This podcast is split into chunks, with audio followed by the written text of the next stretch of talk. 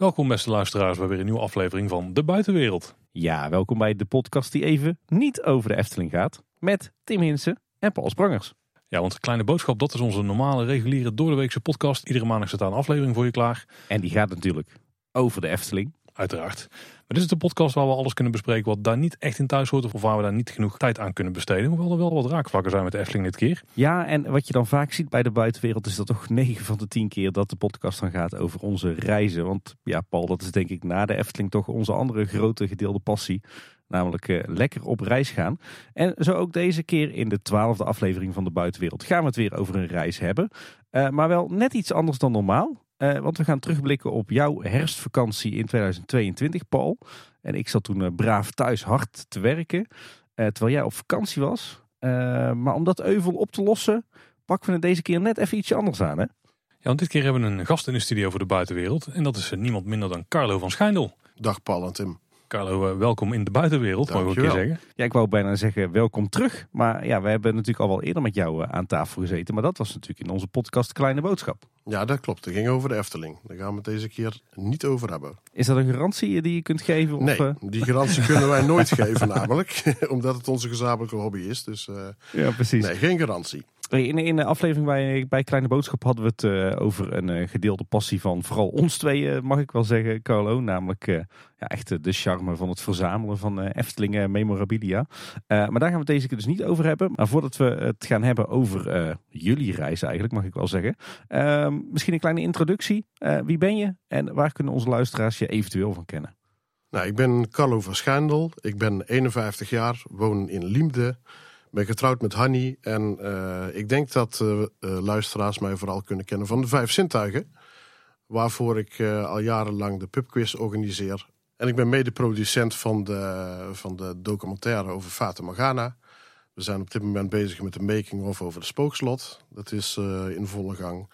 En recentelijk, vorig jaar november, hebben wij voor de eerste keer vooral onder mijn hoede, de nieuwe Efteling en Antropiek Verzamelbeurs georganiseerd in Drunen.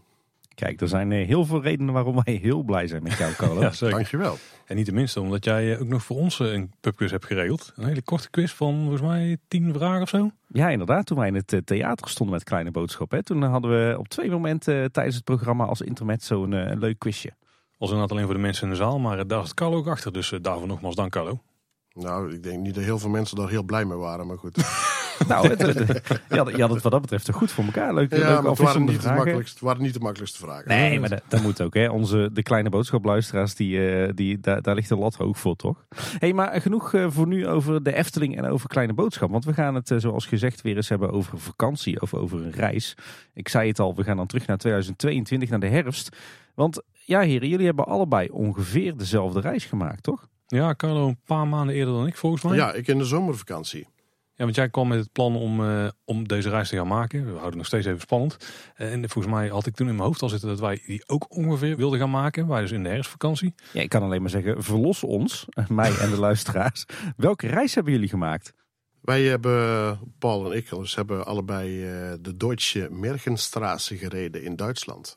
Zeker, ja. En hoe moeten we die vertalen? De, de Sprookjesstraat of de Sprookjesroute? Ja, de Sprookjesroute op uh, lelijk Nederlands inderdaad. Uh, in het Duits klinkt het toch wat sprookjesachtiger, maar het is de Duitse Sprookjesroute. Spruik, Sprookjesstraat, ja. Kan jij eens uitleggen wat, wat de Mergenstraße precies is? Um, de Mergenstraße, Mergenstraße is een toeristische attractie eigenlijk in Duitsland. Die uh, is opgericht in 1975. Um, met de lengte van ongeveer 600 kilometer uh, is dat een uh, autoroute die loopt van Hanau, vlakbij Frankfurt, in Midden-Duitsland, via Kassel naar Bremen en Bremershaven in het noorden. Uh, die route loopt langs zo'n 60 dorpen en steden. En alle toeristische attracties langs de route zijn gericht op de gebroeders Wilhelm, Wilhelm en Jacob Grim.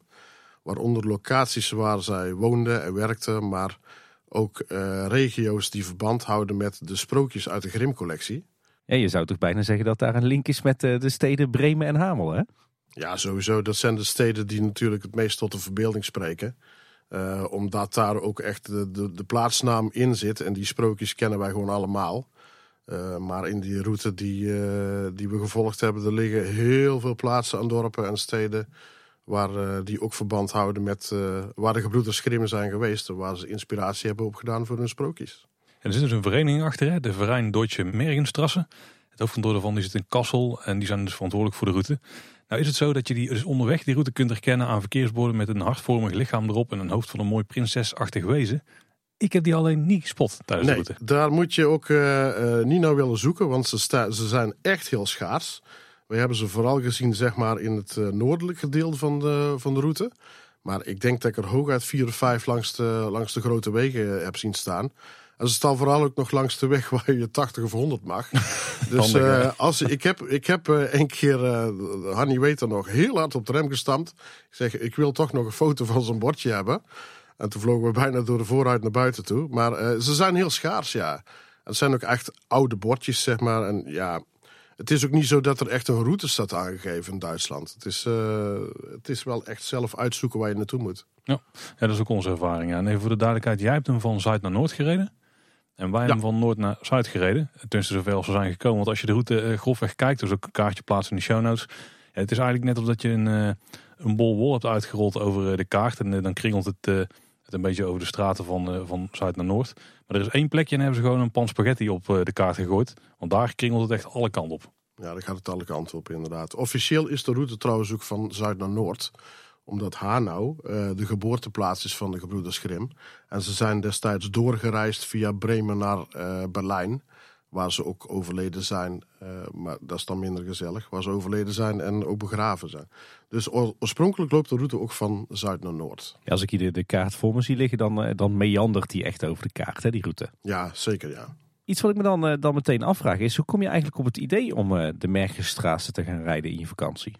Nou, voor, het is wel een aantal jaartjes geleden dat wij volgens mij op de vakantiebeurs in Utrecht een, een folder hadden gevonden over de Merkenstraße, waarin korte route beschreven stond. Eh, wij vonden dit meteen al heel interessant en later heb ik op internet er meer over opgezocht. Eh, alleen gooide corona en mijn gezondheid eh, ernstig roet in het eten. Waardoor we de reis jarenlang hebben uitgesteld en nu in 2022 uiteindelijk toch hebben gedaan. Ja, de eindelijke keuze om de route te gaan rijden is dat we ontzettend houden van autospeurtochten. Waarbij er locaties bezocht moeten worden. Waar je ontzettend veel leert van alle locaties waar je terechtkomt. En je moet van alles zoeken. Wij zijn altijd heel erg geïnteresseerd eh, naar de herkomst van bepaalde verhalen. En bezoeken graag eh, verwijzingen op locaties naar die verhalen. Dus, want als je de sprookjesroute echt goed wilt gaan rijden, dan is het gewoon een gigantische mega XXL autospeurtocht. Eh, wellicht een leuk detailtje, want daar kwamen we naderhand pas achter. De Deutsche Mergenstraße is destijds opgericht op 11 april 1975. En laat dat nou exact de geboortedag van Hanni zijn. Oeh, Dat had zo moeten zijn. Dat eh, moest zo zijn, ja. Dat maakt het voor ons wel heel speciaal. zo. En hoe zat het bij jou, Paul? Ja, wij zochten natuurlijk weer een eh, leuke vakantie met de camper om met de kinderen te gaan doen. En eh, we hadden Duitsland al wel op het oog, want daar hebben we eigenlijk hele grote delen nog niet van verkend. En bekenden van ons die hadden ook een camper gekocht, ongeveer rond dezelfde tijd als wij. En het eerste wat hun toen hadden gedaan was de romantische strasse hadden ze gereden. Die ligt een stuk zuidelijker. Die gaat langs al die kastelen die in Zuid-Duitsland eh, liggen en zo. Die komt volgens mij ook langs uh, Neuschwanstein. Dat was een beetje het eindpunt daarvan. Die, die ligt in het Zwarte Woud, toch? Ja, onder andere. En eigenlijk begint hij dus waar, eh, aan, de, aan de zuidkant van de uh, Mergenstrasse. Dus die, die kun je als één route rijden. Hadden we ook een beetje in ons hoofd van, nou als het allemaal vlot gaat, wat echt flink tegen bleek te vallen. Dan kunnen we die eventueel nog doorrijden. Dat is ook de reden dat wij in het noorden zijn begonnen. Want dan konden we hem verlengen met uh, de romantische strassen. Uiteindelijk niet gebeurd, maar ja, die link natuurlijk met die sprookjes was voor, voor mij toch wel stiekem interessant. Hè? Toch een beetje dat Efteling linkje wat er is. En de kinderen die zijn natuurlijk ook nogal snel gegrepen door die sprookjes. En ik, ik had er al wat dingen van opgezocht en je ziet dan dat je gewoon langs mooie steden komt. En Duitsland is gewoon een prima camperland. Dus ja, die combinatie van, uh, van delen. En het feit dat we maar een weekje hadden. Wat dan dus uh, West-Duitsland best aantrekkelijk maakt. Of ja, West, West slash Midden-Duitsland. Laat het zo zeggen. Het midden van West-Duitsland. dan, uh, dan was het eigenlijk een ideale route op deze afstand. En was je nou ook geïnspireerd door Carlo? De plannen waren er al wel voordat Carlo het, uh, het meldde. Maar toen Carlo zei van we gaan het doen, toen, toen, was ik wel iets meer gesterkt nog in die keuze van dit moeten we ook gaan doen. Hey, en uh, praktisch gezien, hoe, hoe, hebben jullie dit aangepakt? Uh, Paul, ik vermoed dat jij met de, gewoon met de camper op pad bent, uh, bent gegaan. Maar ik ben ook wel benieuwd, Carlo, hoe hebben jullie, hoe hebben jullie dit aangepakt? Ja, dat was wel een ingewikkelde puzzel voor ons. Uh, nou, op internet in de folder staat de route met alle deelnemende plaatsen wel uitgetekend. Uh, maar aangezien je er meerdere dagen vooruit moet uh, gaan trekken, officieel eigenlijk 10 tot 12 dagen zelfs, maar die tijd hadden wij niet. Is het toch wel raadzaam om van tevoren per dag een route uit te stippelen voor wat je wil bezoeken. Eh, ik ben een week of drie eh, lang ben ik een aantal avonden zoet geweest met het maken van het voor ons beste samengestelde programma. Eh, vooral het vinden van hotels op de meest geschikte locaties was best een puzzel. Omdat ik zo weinig mogelijk kilometers wilde verloren laten gaan zeg maar, per dag. Uiteindelijk hebben we drie dagen lang een vakantiehuis gehad ten zuiden van Kassel. Daarna een eh, hotel ten oosten van Kassel. En daarna nog een hotel tussen Kassel en Hamelen in. En dat waren achteraf de beste uitvalswegen om de mooie routes te rijden. En daar hebben we alles omheen gepuzzeld. Dus bij jullie was het inderdaad gewoon lekker in de eigen auto en dan eh, iedere nacht lekker met z'n tweetjes in een hotelletje Ja. slapen. Inderdaad. Ja. Dan eh, moet ik me zo voorstellen van die mooie witgestukte gebouwen met vakwerkconstructies en het ruikt er naar ui. Sowieso. En eh, een vintage interieur uit de jaren 70. Eh, wat voor, waar vooral het woordje muf eh, bij. eh, maar goed, eh, we hebben het goed gehad en er waren prima locaties. En eh, het waren prima uitvalsbasis om alles te ontdekken. Het was al charmant. Het was zeer charmant. Nou, pas wel bij de route. Ja, en jullie Paul? Nou, wij zijn toch wel enigszins op de Bonnefoy weer op pad gegaan, eigenlijk zoals altijd. Eh, wij zijn, uh, wisten globaal wel hoe de route liep natuurlijk. En nogmaals van noord naar zuid gereden, want dan kon het eventueel verlengen. Nou, achteraf gezien was het echt onmogelijk, want die 10 tot 12 dagen die Koude net zegt dat je nodig hebt, ik geloof dat wel. Uh, bij ons was het ook wel zo dat de route een beetje een rode draad was. Uh, dus als we interessante dingen langs de route vonden die niet met de sprookjesroute te maken hadden, maar waar de kinderen dan op dat moment zin in hadden of zo, weet je wel, gewoon uh, iets met, met attractieve waarde of zo uh, buiten de sprookjes, uh, dorpen en steden. Of een keer zwemmen, en dan gingen we natuurlijk ook gewoon doen. Um, dus, maar wat we dan onderweg hebben gedaan is, ik moet zeggen dat in eerste instantie vond ik het best lastig om online wat dingen te vinden. En dat was lokaal veel makkelijker, want toen had je in één keer gewoon de juiste folders en zo te pakken. Al bleek achteraf dat gewoon de, de site van de Mergenstrasse zelf, die was wel echt enorm goed. Een beetje een dol of onderheen te navigeren, maar er stonden gewoon uh, er stonden en kaartjes op. Maar dat was vooral het probleem, het kaartje was nogal matig. Dus een soort Google Maps, maar in en uitzoomen en dingen aantikken. Je vloept heel het weg en hij hield nooit bij waar je nou was. Dat was vrij frustrerend, maar als je eenmaal... Uh, een lijst had van de plekken waar je heen wilde, kon je daar wel goed zoeken wat er allemaal te doen was. Want iedere dorp heeft daar gewoon zijn eigen pagina met alle highlights die er te doen zijn. Ook wel plekken waar je eventueel kunt verblijven als je... Net trouwens stond een camper, uh, camperplaats op. Um, dus we hebben het eigenlijk op die manier weer gedaan. Vooraf hebben we volgens mij alleen de eerste dag ongeveer uh, geprikt hoe we daarheen gingen. Al was dat meteen de lastigste.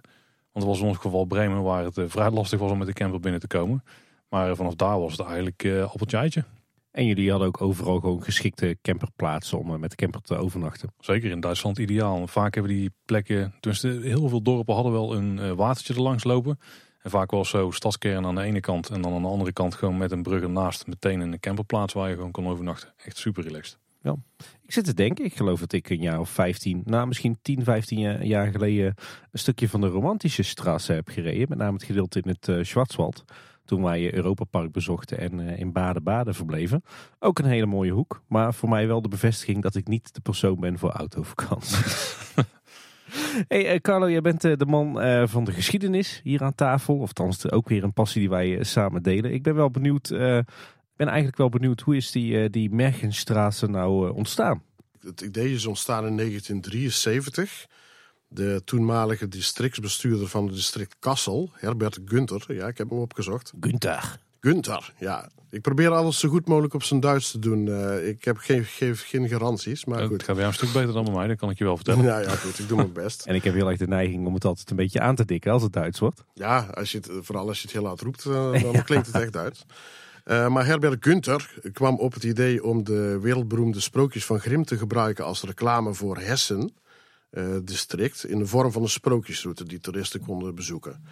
Uh, de onderhandelingen daarvoor uh, hebben met alle districten zo'n twee jaar geduurd.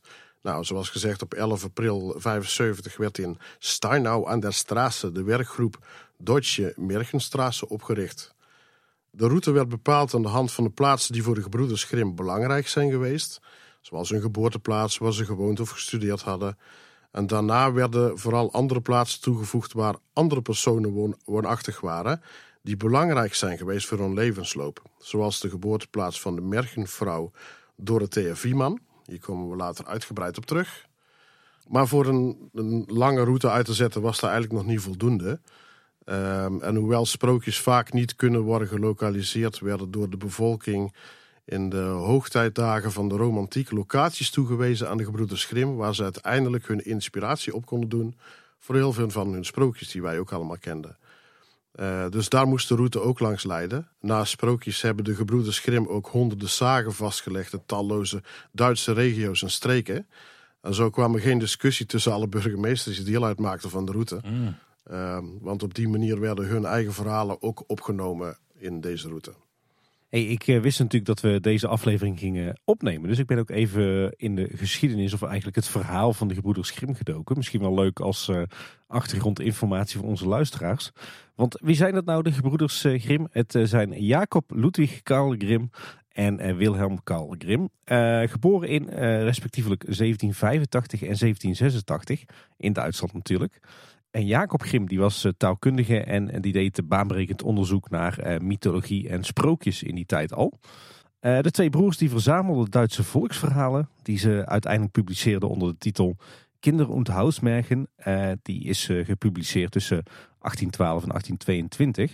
Later ontstond overigens een beetje het volksverhaal dat zij jarenlang door de Duitse landen waren getrokken om die sprookjes te verzamelen.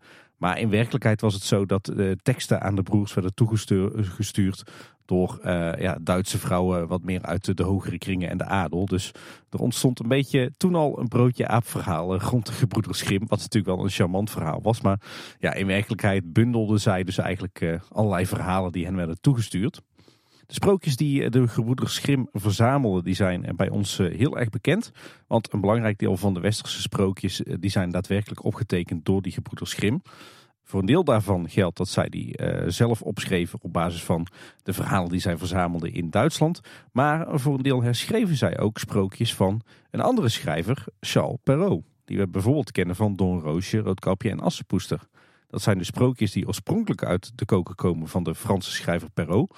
Maar die daarna zijn geadopteerd als het ware door de gebroeders Grimm en ook al wat zijn herschreven. Dus vandaar dat er af en toe wat onduidelijkheid over is van is dit nou een sprookje van de gebroeders Grimm of van Perrault. En dan hebben we natuurlijk nog de derde eh, belangrijke Europese sprookjesschrijver Hans Christian Andersen. Uh, maar die, schreef al, die schreef al zijn sprookjes zelf. De verhalen van Grimm die zijn natuurlijk ook in Nederland uitgegeven. En een van die uitgaves was wel een hele bijzondere. Het boek De Sprookjes van Grimm. Uh, in 1942 uitge uitgegeven. Die was namelijk geïllustreerd door, bekende naam, Anton Pieck. En veel van de illustraties die hij maakte voor dat boek, die vormden uiteindelijk de basis voor zijn ontwerpen voor het Efteling Sprookjesbos. Nou, heb je het er zelf over, Tim? Ja, ik kan ik toch niet laten. Ik heb zo mijn best gedaan om me in te houden. ja. ja, en zo komt het dus ook dat een groot deel van de sprookjes in het Efteling Sprookjesbos van de hand zijn van de gebroeders Grimm. En om hen te eren staat er ook een mooi beeldje van eh, de twee broers in de siertuin aan het einde van het Efteling Sprookjesbos. En daarop aanvullend is in Europa Park is natuurlijk Grimms Märchenwald. Märchenwald, dat is helemaal gebaseerd op alle sprookjes van Grim. En daar staat ook dat beeldje. Nou, lijkt me ook een, eh, een logische plek inderdaad. Hè? Zeg maar Carlo, jij vertelt net dat, uh, dat aan die Mergenstrasse liggen ook uh, een heel aantal plaatsen die wat betekend hebben uh, in het leven van de gebroeders Grim. waar moet ik dan aan denken? de belangrijkste plaatsen langs de route zijn Hanau, Steinau, Marburg en Kassel. Dat zijn daadwerkelijk de plaatsen waar ze hebben gewoond en gestudeerd. In Hanau zijn ze geboren. In Steinau hebben ze gewoond van 1791 tot 1796. En in Marburg hebben de broers gewoond en gestudeerd. Uh, in Göttingen, die heb ik net niet genoemd, maar daar werkten ze als professoren. En in uh, Kassel, dat is eigenlijk, eigenlijk voor de geschiedenis de belangrijkste plaats. Daar zijn de gebroeders Grimm begonnen met hun collectie Kinder- und Hausmärchen. En daar staat ook het Grimm Museum waar de originele geschriften tentoonsteld liggen. Ja, en ik zie op de, de kaart van de Mergenstraat die hier voor me ligt, zie ik dat Kassel ongeveer op de helft van de route ligt. Ongeveer, ja. Dat is denk ik tijd om eens eh, naar de route zelf te gaan kijken. En die bespreken we nu dus van zuid naar noord. Dus de officiële route, dus de officiële richting zoals je moet rijden. Ja, en dat is dus ook de, de manier waarop jij hem hebt gereden, Carlo? Ja, dat is de route zoals ik hem heb gereden, ja. Nou, Carlo, eh, neem eens ons mee aan de hand eh, langs de Mergenstrasse. Nou, wij hebben van maandag tot en met zaterdag hebben wij de route gereden. Dus laten we op de maandag beginnen. En uh, uh, om lekkere vaart te maken slaan we meteen heel veel kilometers over. Want uh, in Hanau begint officieel de sprookjesroute. Zo'n 200 kilometer onder Kassel. Maar daar zijn we niet geweest. Dus daar schiet lekker op. Ja, wij ook Dus niet. de, nee, het is de geboorteplaats van de broeders Grim. Ehm, deze staat nog op ons lijstje om een keer te bezoeken. Maar die nemen we dan mee met een ander bezoekje aan Duitsland. Dus daar komen we vanzelf nog. Vol- Volgens mij ook goed te combineren met een bezoekje aan Europa Park, als ik het zo zie. Nou, eh, daarop vooruitlopend. Ik ben de volgende vakantie al aan het plannen. En ik denk dat dat eh, eenzelfde soort rondje wordt, maar dan Zwarte Woud. En, eh, dus dan, kom, dan beginnen we in Hanau. En dan moet je, moet je natuurlijk ook Baden-Baden meenemen en Neuschwanstein en Europa Park. Ja, dat, dat worden ook weer leuke dagen. Er wordt weer heel veel rijden. Maar we, we dwalen af terug naar ja, de, de. Ja, want officieel is de route 600 kilometer, staat overal in de folders. Maar ik denk dat wij zo'n ongeveer 1500 kilometer gereden hebben in die zes dagen. Dus eh, als je alles wilt zien, ga je gang. Allemachtig zeg. Ja, ehm, wij slaan meteen 150 kilometer over en gaan door naar Remsveld. En dat is al richting Kassel. Ehm, deze plaats is een onderdeel van het district Knulwald. En heeft heel veel bosgebied. Daar hadden wij ook ons, eh, ons vakantiehuis. En wij wilden naar het plaatsje Knulwald rijden, maar dat bestaat dus niet. Het is een heel groot bosgebied waar hele kleine plaatsjes in liggen.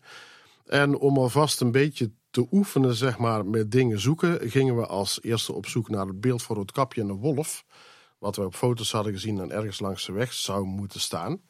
Ehm, we hebben het aan plaatselijke mensen ook moeten vragen. We konden het dus gewoon echt niet vinden. Maar het bleek dus in een Remsveld te staan en eh, tegenover een tankstation bij een rotonde. En daar staat dan ja, zo'n mooi beeld van Roodkapje en de Wolf eh, staat daar in de berm. En ja, dan stappen we natuurlijk uit om daar een fotootje te maken en weer door. Want zo zagen onze dagen er eigenlijk uit. Eh, gevonden was weer door. Nou, eh, het Knuulwald reden we dus daarin rond. En dat wordt het eh, Roodkapjeland genoemd. Roodkapsjenland. Ehm, naast het tankstation waar ik net over had, er staat een, een toeristenservice met daarbij een bord met heel veel informatie over de omgeving. Eh, als, je heel, als je van wandelen houdt, dan van fietsen en dergelijke. Ze hebben daar routes van 4 tot 45 kilometer uitgezet. Ehm, ja, je kunt daar vooral je gang gaan eh, in, de, in de vrije natuur. Het ziet er prachtig uit. Eh, overigens is dat misschien ook de reden voor de gebroeders Grim om Roodkapje te laten verdwalen in het bos. Dat ze van de paden afliep, omdat er in de omgeving daar zo ontzettend veel te zien is. dat voor Roodkapje wel interessant was om van het rechte pad af te dwalen. Zijn jullie zelf wel op het pad gebleven, Carlo? Wij zijn netjes op het pad gebleven. En geen bloempjes geplukt? Wij hebben geen bloempjes geplukt. Maar heel veel bloemetjes gezien, dat wel. Ehm, wij zijn toen naar ons vakantiehuis gegaan, koffers uitgepakt en dergelijke. ehm, en toen vonden we dat we nog niet klaar waren. Toen zijn we s'avonds nog even naar Homberg Efse gereden. Eh, dat is een prachtige stad met heel veel vakwerkhuizen, die we trouwens op de route nog heel veel meer gaan zien. Ehm, een van de bezienswaardigheden daar is het Sprookjesmuseum, maar daar waren we te laat voor, want we waren pas 's avonds. Daar staat een beeld van het sprookje Broedersje en Zwesjes, oftewel eh, broeders, eh, broertje en zusjes. Ook een sprookje van Grim, wat wij in Nederland niet zo goed kennen. En in het centrum staan heel veel bronnen fonteinen, waterloopjes. En ehm, ja, het ziet er allemaal prachtig uit. En boven op de heuvel staat een burcht met de allerdiepste waterput van Duitsland. Dat is een gemetselde put van ongeveer 150 meter diep. En die heeft naar de schijnt model gestaan voor de sprookje van de kikkerkoning. Een put van 150 meter diep. Zo. Ja. Doodseng. Dus eh, wil je naar die burcht toe, eh, die moet te voet beklommen worden. Je kunt onderaan parkeren, maar de weg is erg steil en daar hadden we die dag geen energie meer voor. Dus dat hebben we even overgeslagen. Dus die hebben jullie niet kunnen afvinken van jullie... eh, Die put hebben wij niet gezien, maar aangezien hij nu nog vlak bij Hanno zit, zeg maar, komt hij nog wel een keertje terug. We zijn wel bij het kasteel geweest, maar niet boven. Dat was al een drukke eerste dag dan. Nou ja, goed, met de heenreis van vier uur erbij. eh, ja, dat was al een flinke dag, want je moet tussendoor ook een hapje eten. Dus eh, ja, dat was, eh, dat was een inkomertje. Toen wisten we een beetje wat we moesten gaan doen. En, eh, maar ja, de volgende dagen begon het pas, want toen zaten onze dagen echt propvol. Eh, de route van dinsdag, we zijn s morgens om half negen meteen vertrokken naar Rotenburg aan der Fulda. Een plaats die eh, later is toegevoegd aan de sprookjesroute. Die zat er in eerste instantie helemaal niet bij. Ook een hele mooie stad met 17e eeuwse vakwerkhuisjes. Een van de bezienswaardigheden daar in, het, eh, in een park is de fontein van de Kikkerkoning ook weer. Dus die omgeving staat daar echt wel onbekend. Voor diegenen die de fontein willen gaan zoeken, uh, parkeer de auto langs de Obertor recht voor het park. Uh, aan de achterzijde van het park ligt ook de oever van rivier de Fulda. Dat is trouwens sowieso wel de rode draad waar je het over had. Je had het over bolletje wol en rode draad. Het is dus een rooi bolletje wol. Um, maar eigenlijk loopt de route helemaal langs twee rivieren. En dat zijn de Fulda en de Wezer. En als je die volgt, dan, dan kom je eigenlijk wel mooi langs de alle plaatsen. Um, daarna zijn we snel, ja, we zijn er echt maar tien minuten geweest. Dan zijn we doorgereden naar Oberaula. En toen kwamen we langs Schloss Neuenstein. Uh, omdat we van mooie kastelen houden, zijn we daar maar even uitgestapt. Maar wat wil het toeval, die zit niet op de route. Maar uh, binnen de muren van de slot ligt een kleine ommuurde bloementuin met de naam Roodkapsjens Rozengarten. En die, die ontdekten wij dus, er kwam natuurlijk bijna niemand daar.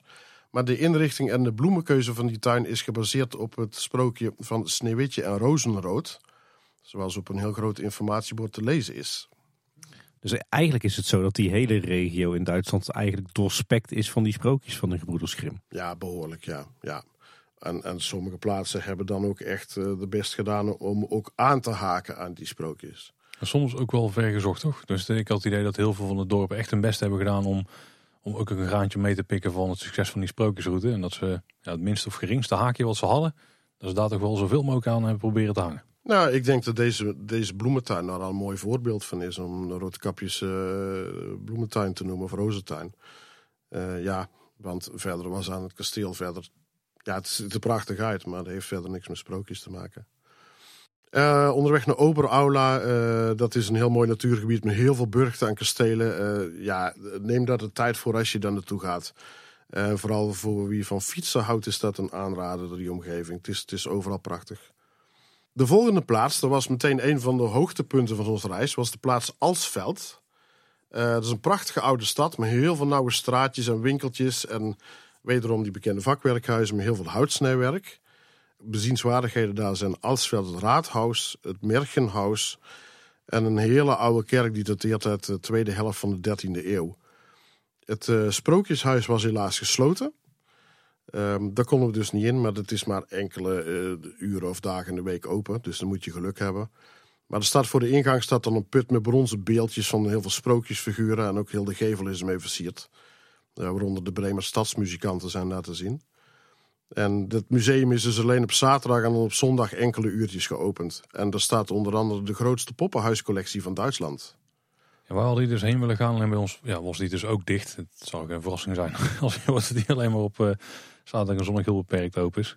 Dat was wel jammer, anders was dit denk ik het, het meest zuidelijke puntje geweest wat wij hadden aangeraakt van de route. Ja, ik was ook graag naar binnen gegaan, maar ja, helaas. Uh, je, je moet heel veel geluk hebben of heel goed kunnen plannen, wil je al die uh, dingen kunnen bezoeken.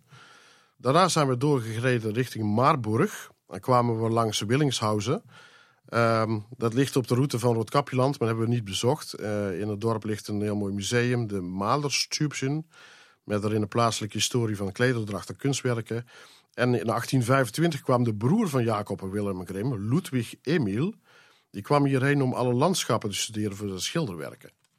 Maar Maarburg was uh, veel mooier. En daar is Paul ook geweest, dus die kan erover meepraten. Zeker, was echt wel een heel chic dorp, ja. Maar nou, de stad is het trouwens, hè? Ja, het is een stad.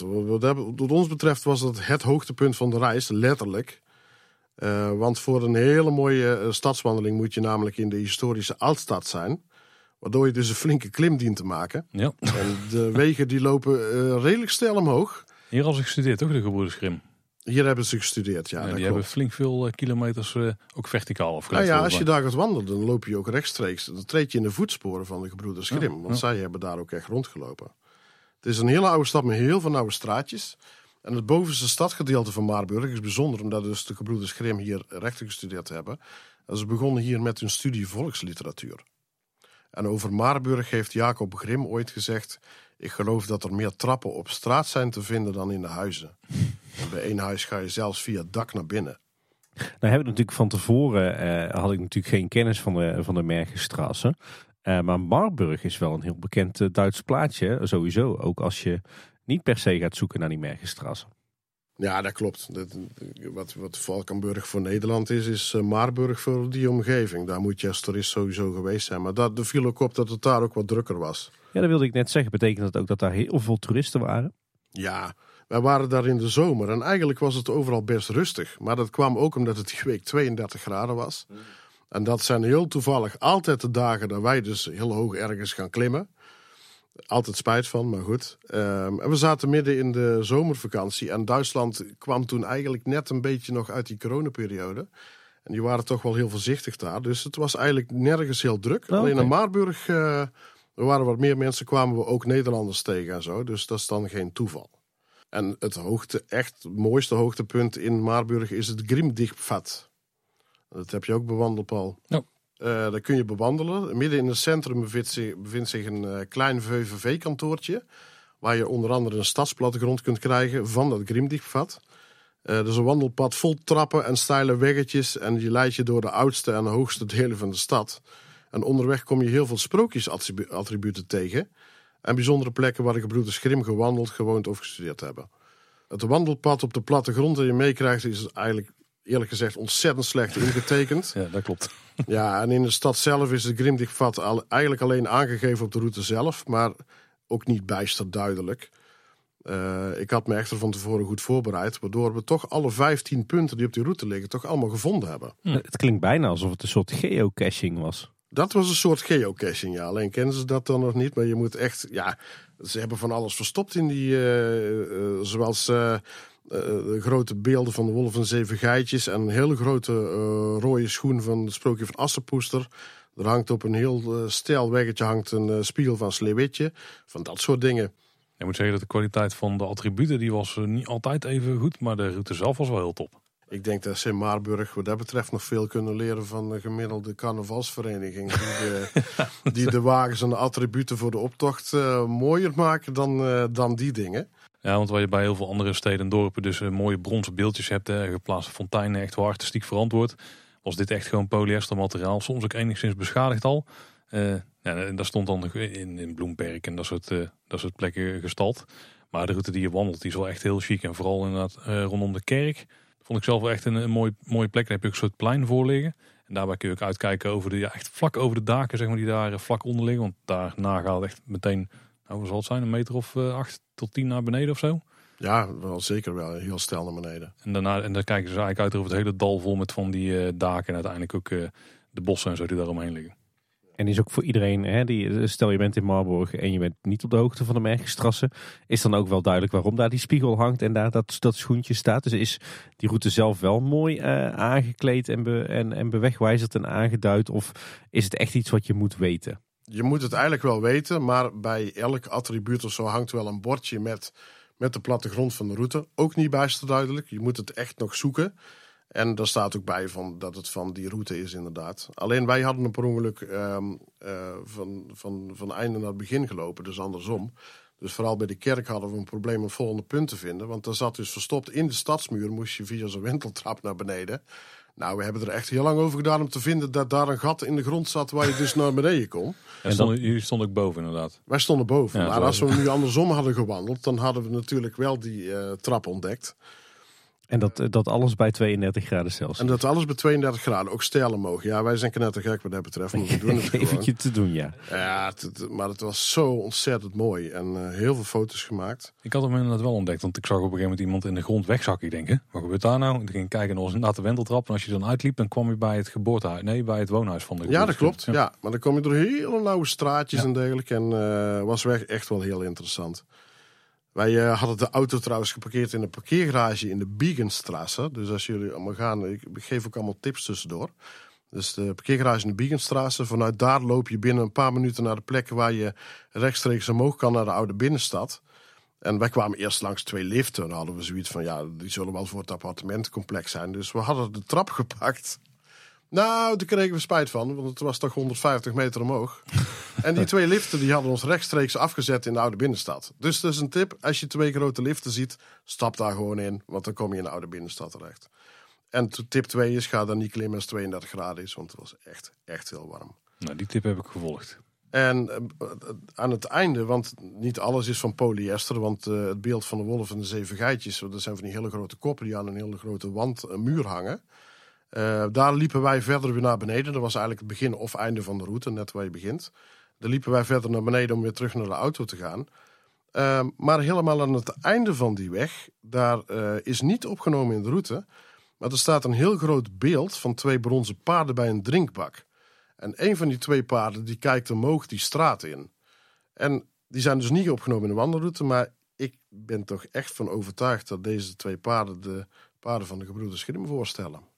Want destijds reden er nog geen uh, niet heel veel auto's of zo. En toen ze nog geen sprookjes hadden uitgebracht, waren ze nog niet zo rijk dat ze in de koets konden rijden. Ja. En wachten er aan het eind van de route op jou een uh, groot glas Weizenbier of uh, dat toch niet? Nee, want we moesten de auto in. Dus wij moesten door naar de volgende plaats. Ja, dus nee, helaas. Dat wij hebben gedaan is dat we de camper best wel dicht bij het centrum hebben kunnen stallen. Bij camping Laanhouden. En vanaf daar loop je eigenlijk via een, eh, een groot fietspad. Waar je ook prima kunt wandelen. Langs een ook wel redelijk zwembad waar hebben gezwommen. Zo naar de stad.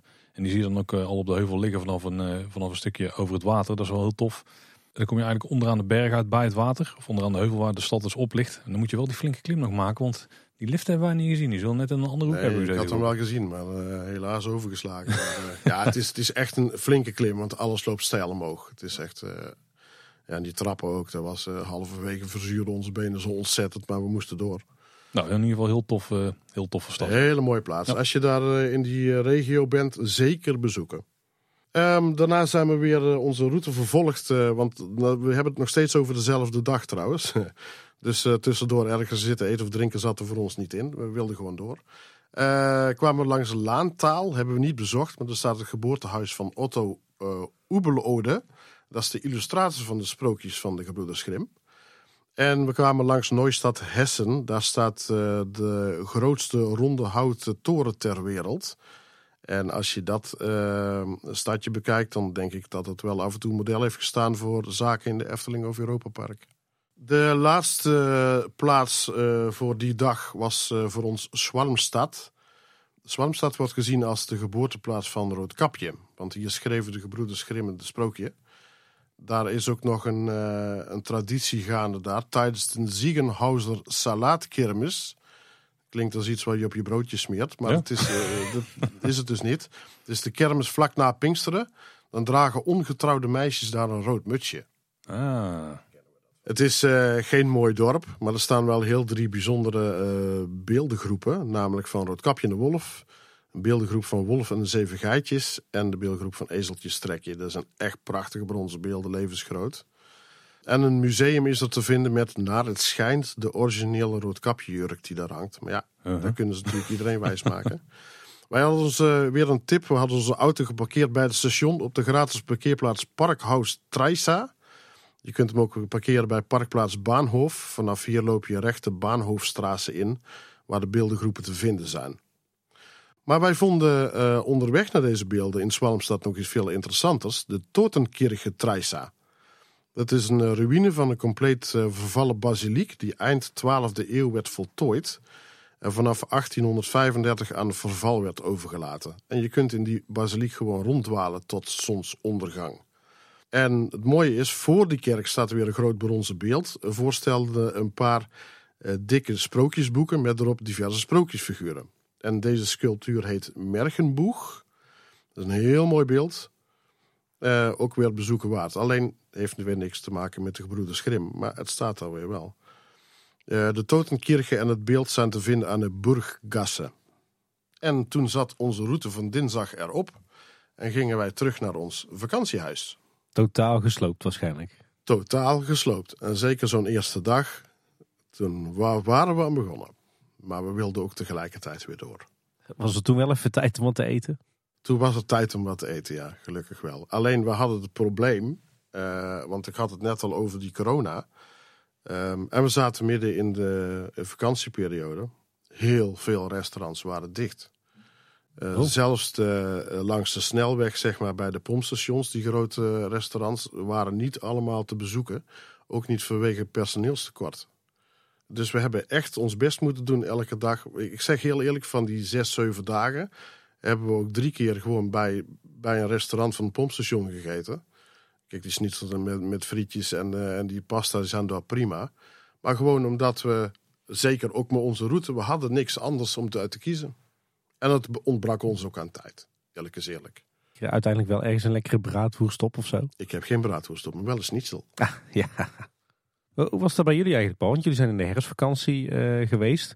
Dan is het daar eh, geen hoogseizoen meer. En eh, toen was corona ook weer net wat verder de wereld uitgeholpen.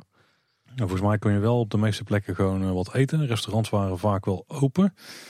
We hebben ook natuurlijk een aantal keer gewoon gekookt zelf. Want die faciliteiten hebben we dan allemaal aan boord. Ja, ik kan me niet herinneren dat we echt op heel veel plekken hebben misgegrepen. Ja, we hebben wel een keer gehad dat we naar een restaurant wilden, volgens mij op een maandag of zo. En dat was wel een probleem in Duitsland, want toen was er gewoon heel veel dicht. Volgens mij het enige wat open was, was een soort pizza shawarma tent, zeg maar. Maar dan net één stapje daarboven. Maar ook niet heel veel daarboven. Dus dat was de enige keer dat we moeite hadden. Voor de rest was het goed te doen bij ons. Ja. Ik had uh, gehoopt op allemaal lekkere verhalen, culinaire verhalen over braadwoest en kartoffelsalaat. Maar dat valt toch tegen? Ja, gewoon schnitzels, inderdaad. Schnitzelregio. En daar, die ja. salaatkermis, hè, waar ik net over had. Ik moet ook zeggen dat ze met de braadworst ook niet echt te koop liepen. Volgens mij is dat nog iets meer Zuid-Duits of zo. ik, heb ze, ik heb ze ook niet gezien, moet ik heel eerlijk Nee, zeggen. ik Wat niet. trouwens wel overal geopend was, want die zaten er ook overal genoeg. Er waren Italiaanse ijssalons. Die waren, Die waren gewoon elke dag open tot 8 uur. Allemaal. Ja, maar voor avondeten toch wel een lastig... eh, ja, En ze hebben ook spaghetti ijzen. dus dat, heeft, dat doet wel ook wel iets. Ja, de volgende dag eh, was het woensdag en zijn wij 's morgens heel vroeg zijn we weer op pad gegaan. Naar het, eh, het meest interessante dorpje wat mij betreft, naar Bergvrijheid. Dit dorpje waren we gewoon letterlijk vergeten op de route van dinsdag, want daar kwamen we bijna langs. Dus op woensdag konden we alsnog eh, een, eh, een half uur helemaal terug om naar Bergvrijheid te gaan. En wat is bijzonder aan het dorpje? Dat is een Sneeuwwitje dorp. Zo klinkt het ook, ja. Bergvrijheid. Ja, zo klinkt het ook en zo voelt het ook als je daar bent. Dat is heel bijzonder. Het is eigenlijk een compleet uitgestorven. Er wonen wel mensen, maar er is gewoon niemand. Dat ligt eh, boven op een hele grote heuvel. Eh, waar je ook geen wifi hebt trouwens. Dat, eh, dat is ook, we hadden helemaal niks meer daar.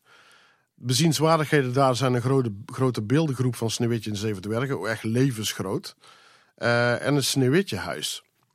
Bergvrijheid eh, wordt eigenlijk de ware heimaat genoemd van Sneeuwwitje. Eh, het mooie aan het dorpje is dat het is omgeven door zeven heuvels. En het is van oudsher een mijnwerkersdorp. Dus dan spreekt het al tot de verbeelding natuurlijk. Dat, dat Sneeuwwitjehuis, Carlo, moet ik me dan ook echt een beetje zo'n huisje voorstellen zoals we in de grot van Sneeuwwitje in het Efteling Sprookjesbos op de achtergrond zien? Nee, het, het is eigenlijk een. eh, een eh, ehm, het, is, staat in een eenvoudige woonwijk, heuvel op. Gewoon tussen de gewoon huizen, zeg maar. Dus kunnen gewoon je buren zijn. Alleen, ja, het is helemaal aangekleed als eh, allemaal dingetjes. eh, het valt echt wel op. Maar als je door de ramen kijkt, want het was gesloten toen wij er waren, ook weer. Als je door de ramen kijkt, dan zie je ook een volledig ingerichte kamer met daarin een tafel met zeven bordjes erop. Aan de stoelen hangen gekleurde mutsen. Er staan zeven bedjes in. Ja, Ah, dat is dat echt, is fenomenaal. ja, echt heel Ja. bijzonder. Terwijl het gewoon in een woonwijk staat. Van woensdag tot zondag is dat huis vanaf drie uur geopend voor publiek. En de, intree, de entree bedraagt dan 2 euro. Maar ja, ook dit is maar el- enkele uurtjes per week is dat geopend. Maar dan zit er ook echt een sneeuwwitje binnen. En het adres van het huis is trouwens de Keller Waldstrasse nummer 27. Voor diegenen die geïnteresseerd zijn. Maar het mooie van Bergvrijheid is dat dit eh, dorpje wel echt inspiratie is geweest voor de gebroeders Grim. Eh, want er zitten best veel verhalen aan vast. Bij Bergvrijheid woonde namelijk prinses Margaretha. Die heeft dus echt bestaan. Dat was de dochter van graaf Philip IV van Wildungen. Uit het plaatsje Koer-Hessen-Waldeck. En hij was geboren in 1533. En volgens eh, officiële documenten uit Baat Wildungen stond zij bekend om haar schoonheid. En had ze een heel strenge stiefmoeder, Catharina von Hatzfeld. Nou, alleen de achternaam al. Eh, uit brieven van aan haar vader bleek dat Margaretha's gezondheid sterk achteruit ging. Waarna ze in eh, maart 1554 op 21-jarige leeftijd overleed. En in de kronieken van Waldeck wordt gesuggereerd dat ze werd vergiftigd.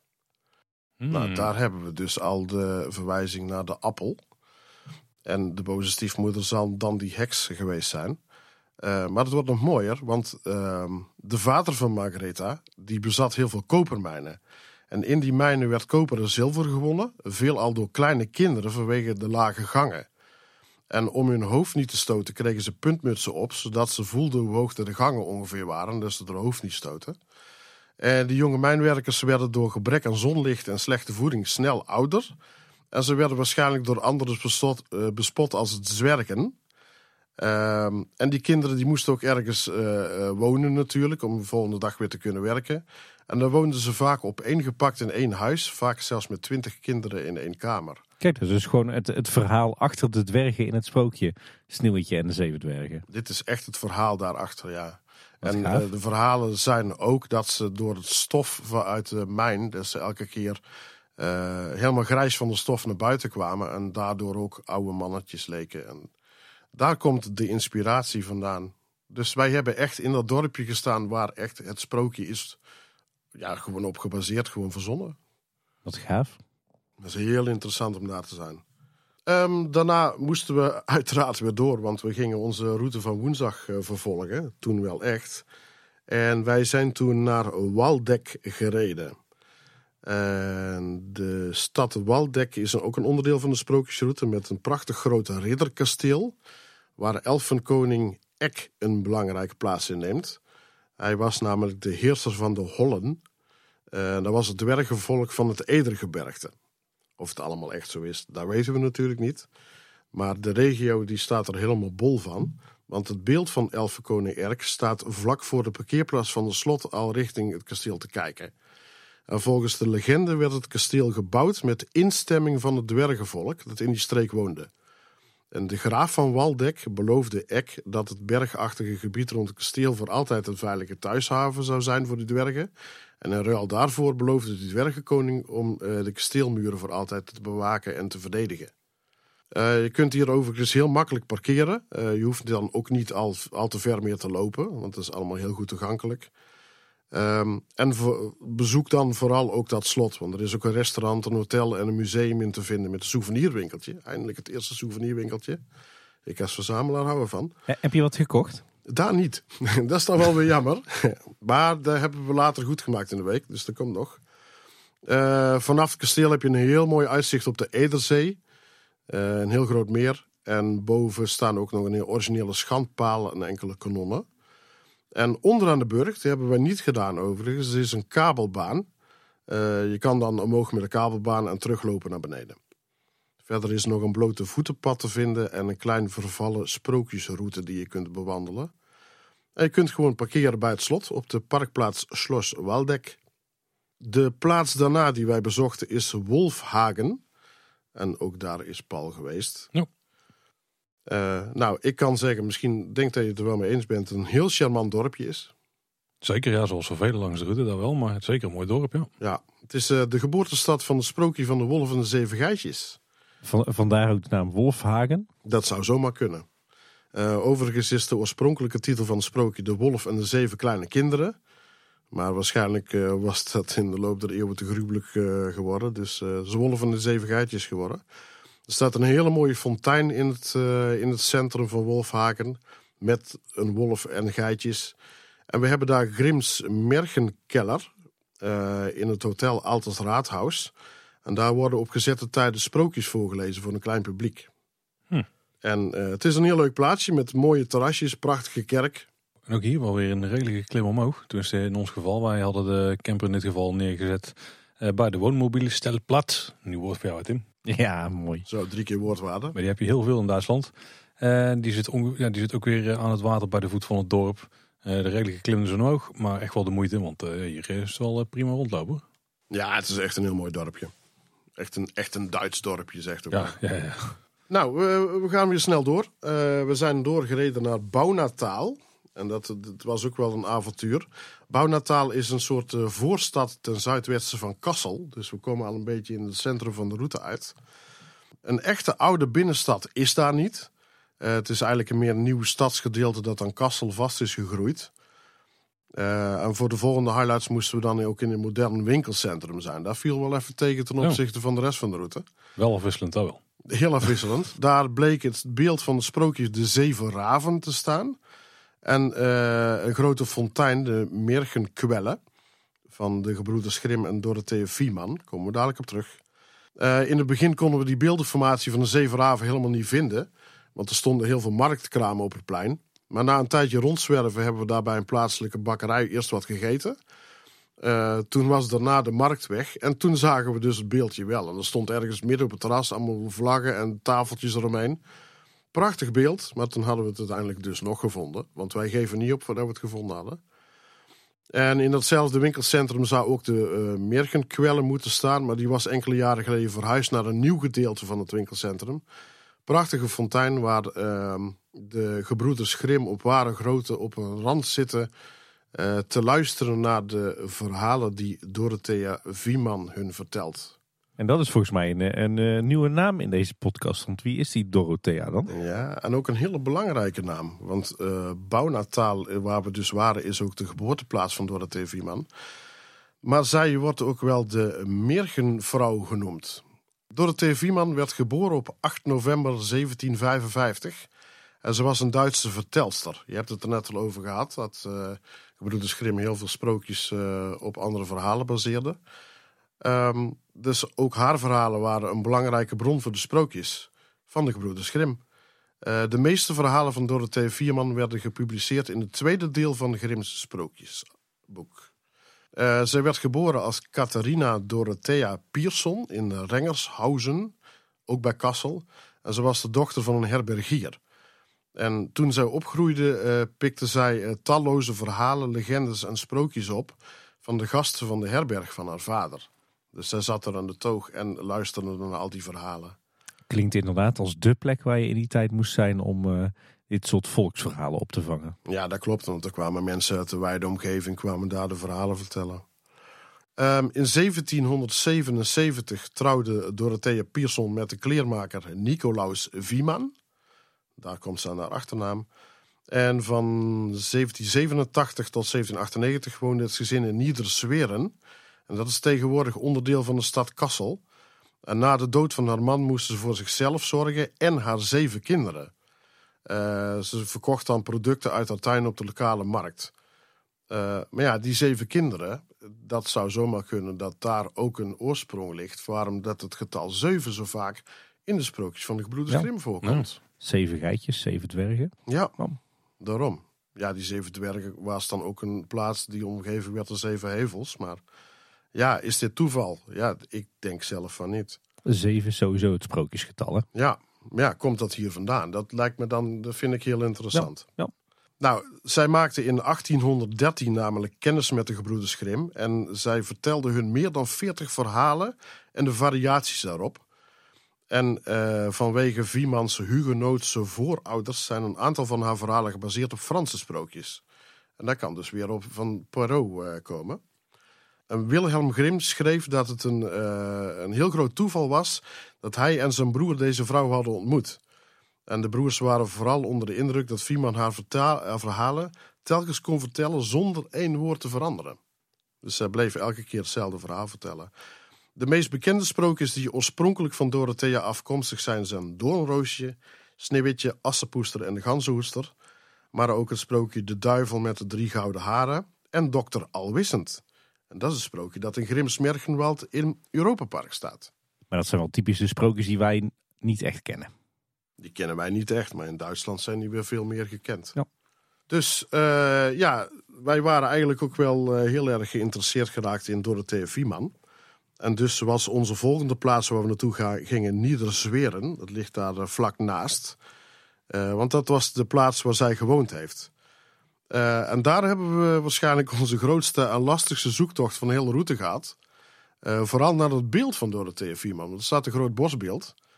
Uh, oorspronkelijk stond dit bij een kruispunt van de Frankfurter Straße, maar het was verdwenen.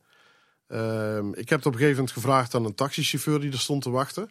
En die, die zei in, in, op zijn Duits van, ja, dat staat daar. En toen hij omkeek, zei hij van, huh? hij had helemaal niet gezien dat het weg was. En ook een dame die daar een winkeltje had, die verbaasde ook dat het beeld verdwenen was. Alleen die, uh, die gaf ons een tip om verderop bij de kerk te gaan kijken. En inderdaad, daar was het beeldje dus een paar maanden daarvoor uh, herplaatst. Omdat de, de betegeling en alles, er lag al zand en alles nog tussen. Dus uh, was het echt opnieuw neergezet. En ze had een speciaal pleintje gekregen, namelijk de Mergenplaats. Een splinternieuw aangelegd pleintje achter de Matthäuskirche. Het beeld staat uh, tegenover een kleine omheinde begraafplaats waar ze begraven ligt. En op de sokkel van haar beeld staat Dorothea Vieman, die Mergenzelerin der Brüder Grimm, leefde van 1787, even Nederlands, tot 1815 in Niedersweren. Mooie plek voor je beeld. Ja, ze kijkt op haar eigen graf uiteindelijk, een beetje letterlijk. En in de bestrating liggen grote tegels maar op de waarop de afbeeldingen van boeken te zien zijn. Maar ook de namen van de sprookjes Doornreusje, Sneeuwwitje. Uh, die uh, tegel ligt onder een appelboompje. Uh, ook heel opvallend. En Assenpoetel. en aan de rand van het pleintje staat nog een stenen boog met daarop de tekst Es war einmal. Dus het is wel echt heel erg gebaseerd op haar leven. Nou ja, de beeld staat dus te vinden in Niedersweren. Maar wij zijn ook doorgereden naar uh, een woonwijk uh, genaamd het Sprookjeskwartier. In het Duits de Mergenviertel. Dat is gewoon een heel oud woonwijkje, maar heel smalle straatjes en uh, hele kleine huisjes eigenlijk. Er is verder niks te beleven. Daar wonen gewoon mensen, dat is eigenlijk alles. Maar er zijn wel heel veel straatjes te vinden die de naam van sprookjesfiguren hebben. Zoals de Roosjenvat, de Hensel en Gretelweg de Sterntalerweek, maar ook de Willem Buschstraße van Max en Moritz en de Broeder Grimstraße. En die Broeder Grimstraße die zijn wij op een gegeven moment gewoon doorgelopen. En bij toeval stuiten we toen op een doodlopend stukje van die weg. En daar vonden we nog een verborgen metalen kunstwerk, helemaal uitgevoerd in 2D, waar uh, diverse sprookjesfiguren in silhouet te zien waren. Dus dat was in een bocht van een heel smal beekje, de Grunelbach, had ik nog opgezocht. Maar ja, dat is een heel onverwacht plekje waar je dan ook weer beelden tegenkomt die eigenlijk nergens in de folder staan. En verderop in de Dorothea Wiemannstraße, want zelfs die is er, er staat een uh, school met op, een leven, met op de gevel een levensgrote beeldenis van haar. Uh, dat is ook de Dorothea Wiemannschule. En dat was een Grundschule met voorklasse, of een soort basisschool, zeg maar. En in die straat staat ook het voormalig woonhuis van Dorothea. En als laatste achter het kerkhofje staat een grote steen. Je kunt niet op het kerkhofje trouwens, dat is afgesloten. Maar er staat wel een hele grote steen met erop. Auf diesem Kerkhof roet die Schwererer Mergenvrouw der Broeder Grimm door het Vieman. En ze werd maar 61. Ja, dat was in die tijd uh, was dat normaal. Maar ze had wel een hele mooie nalatenschap. Een hele mooie nalatenschap, ja. Waar wij nog uh, dagelijks uh, met z'n allen van genieten. Maar zij was dus heel belangrijk voor de gebroeders Grimm. Maar um, we gingen uh, even terug naar het Bouwnataal, waar we, waar we vandaan kwamen. Uh, naar de plaats Rengershausen. Want uh, eerlijk is eerlijk, ik moest heel nodig, om in thema te blijven, een kleine boodschap. Dus ik ging op zoek naar het toilet. En we vonden op de kaart een herberg waar we naartoe reden. En toen kwamen we toen aan bij een oude brouwerij, de Knalhütte. we hebben de auto daar geparkeerd. Ik ben naar die herberg gelopen, die was gesloten. Maar ik liep daar, ik keek om. Ik denk, pardon. Dat bleek dus, dus het geboortehuis te zijn van Dorothea Vieman. Wat wij gewoon echt per toeval ontdekten.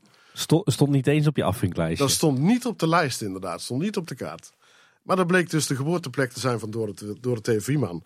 En op die oude brouwerij, die er nog steeds staat en in bedrijf is, hangen de schilderingen. En voor de herberg staat een groot informatiebord van het geboortehuis en haar geschiedenis erop. Een echt adres ervan hadden we niet gevonden, alleen een nummer. Maar dan blijkt dus dat de autosnelweg nummer 49, die raast hier vlak naast. Dus heel vroeger was dit dus al een veelgebruikte doorgaande weg waar de herberg aan lag. En dat is dan wel heel interessant om te zien. Die, eh, die verrassingen die zijn toch misschien wel het mooiste onderweg. Ja, dit was een hele mooie verrassing. Alleen uiteindelijk was ik nog steeds niet naar het toilet geweest. Dus dat, dat probleem bleef bestaan. Hierna zijn we doorgereden naar uh, het uh, ten westen van Kassel. Gingen we naar Bad Willemsheuyen. Uh, eh, Baten-Willemsheuyen is niet een plaats die uh, bij de sprookjesroute hoort. Maar die is heel erg de moeite waard om te bezoeken. Hè Paul? Zeker. Dit is echt een, een, ja, een on-Nederlandse plek. Maar we zitten ook niet in Nederland. Maar het is misschien wel een on-Duitse plek. Ja, zo kun je het wel noemen. Het is, het is echt zoveel anders dan alles wat je gezien hebt. Want het is een, uh, een reusachtig bergpark, bergpark waar helemaal omhoog loopt. Met een heel grote imposant kuuroord erop. En volgens mij is het origineel aangelegd als een soort van buitenpaleis voor, eh, voor iemand. Of een slot of burcht. Ja, er staat eigenlijk van alles. Er staan heel veel. eh, maar het is, het is helemaal opgetrokken in Italiaanse barokstijl, zeg maar. Ontstaan vanaf 1696 had ik opgezocht. En het is ook sinds 2013 onderdeel van het UNESCO Werelderfgoed. En die berg waar alles op te vinden is, is eh, ruim 500 meter hoog. Dus het is ook wel echt een klim die je ook weer niet met 32 graden moet doen. Maar wat wij ook weer probeerden, maar niet lukte. Dan heb ik daar nog een eh, toptip voor. Je kunt ook gewoon boven parkeren. Dat weet ik. Dat dat klopt. Dat hebben wij gedaan. Ja, maar als je alles wilt zien, moet je naar beneden. Dan moet je toch weer naar boven. Ja, dat is waar. Even een- een beetje het beelden schetsen van wat het dan is. Want dit is allemaal gewoon kunstmatig wat hier ligt. Behalve de berg, die bestond natuurlijk al. Eh, maar hier is iemand eh, zeer ijverig geweest over eh, meerdere decennia is dit volgens mij aangelegd. Ja, het park wat hier is aangelegd, ja, het slaat eigenlijk gewoon bijna nergens op. Er is een sowieso bovenin een soort... Hoe, hoe zou je het omschrijven, Carlo? Je hebt dan het, het Hercules monument. Daar staat een grote brons beeld van Hercules bovenop. Ja, Die dan is- ook echt groot. Ja, het beeld zelf is 8,5 meter hoog, maar het Ja. staat nog op een piramide van 40 meter hoog. En daaronder, ja, is eigenlijk een vrij zinloos gebouw ook. Ik, ik weet niet eens wat het, wat het precies de functie was. Paleisruïnes en er staat een slot. En het, er staan eh priëlen en, en bijgebouwtjes. En, eh, en daartussen tussendoor lopen ontzettend veel watertjes aan watervallen. En eh, het is, ja, je kunt daar uren rondstruinen. Eigenlijk zou je voor dit gedeelte al een halve dag uit moeten trekken, minstens. Ja, dat kan zeker, ja. Je had het monument staat boven die berg en dan loopt inderdaad, dat is een beetje de oorsprong van het water wat dan vanaf daar naar beneden loopt. En maar ze hebben er dus een hele, eh, ja echt, nou een heel stelsel van een kunstmatige grot en zo aangelegd en heuvels.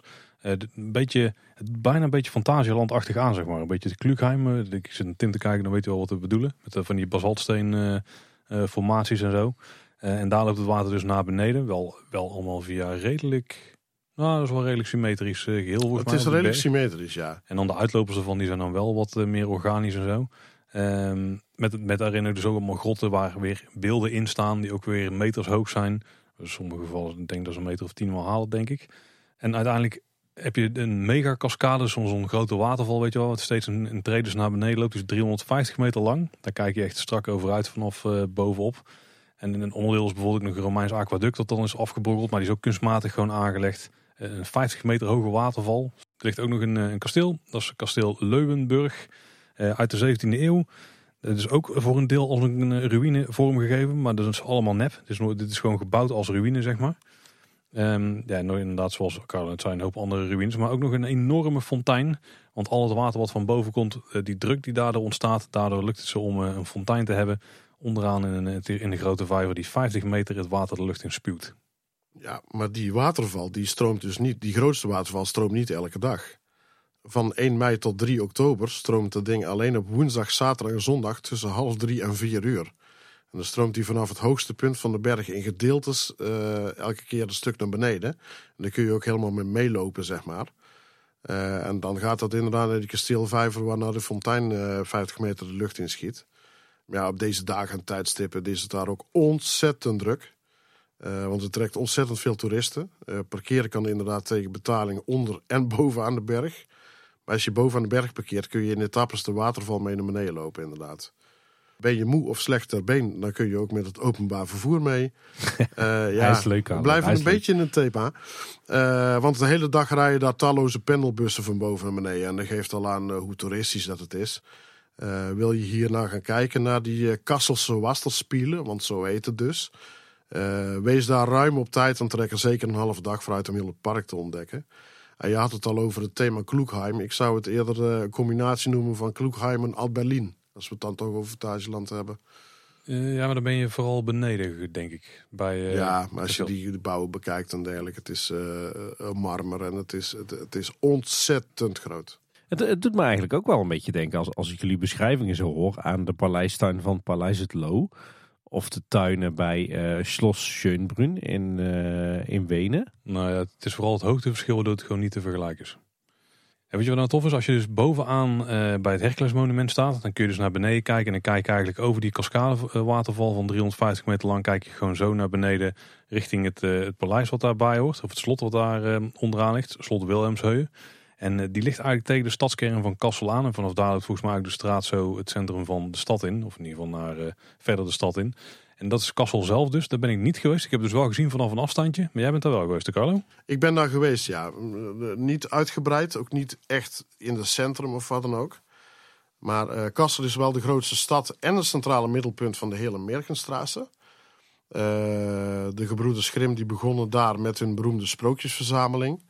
En daarom is er daar ook een grote gebroeders Grimm museum te vinden, wat ook op de lijst van UNESCO Werelderfgoedslijst staat.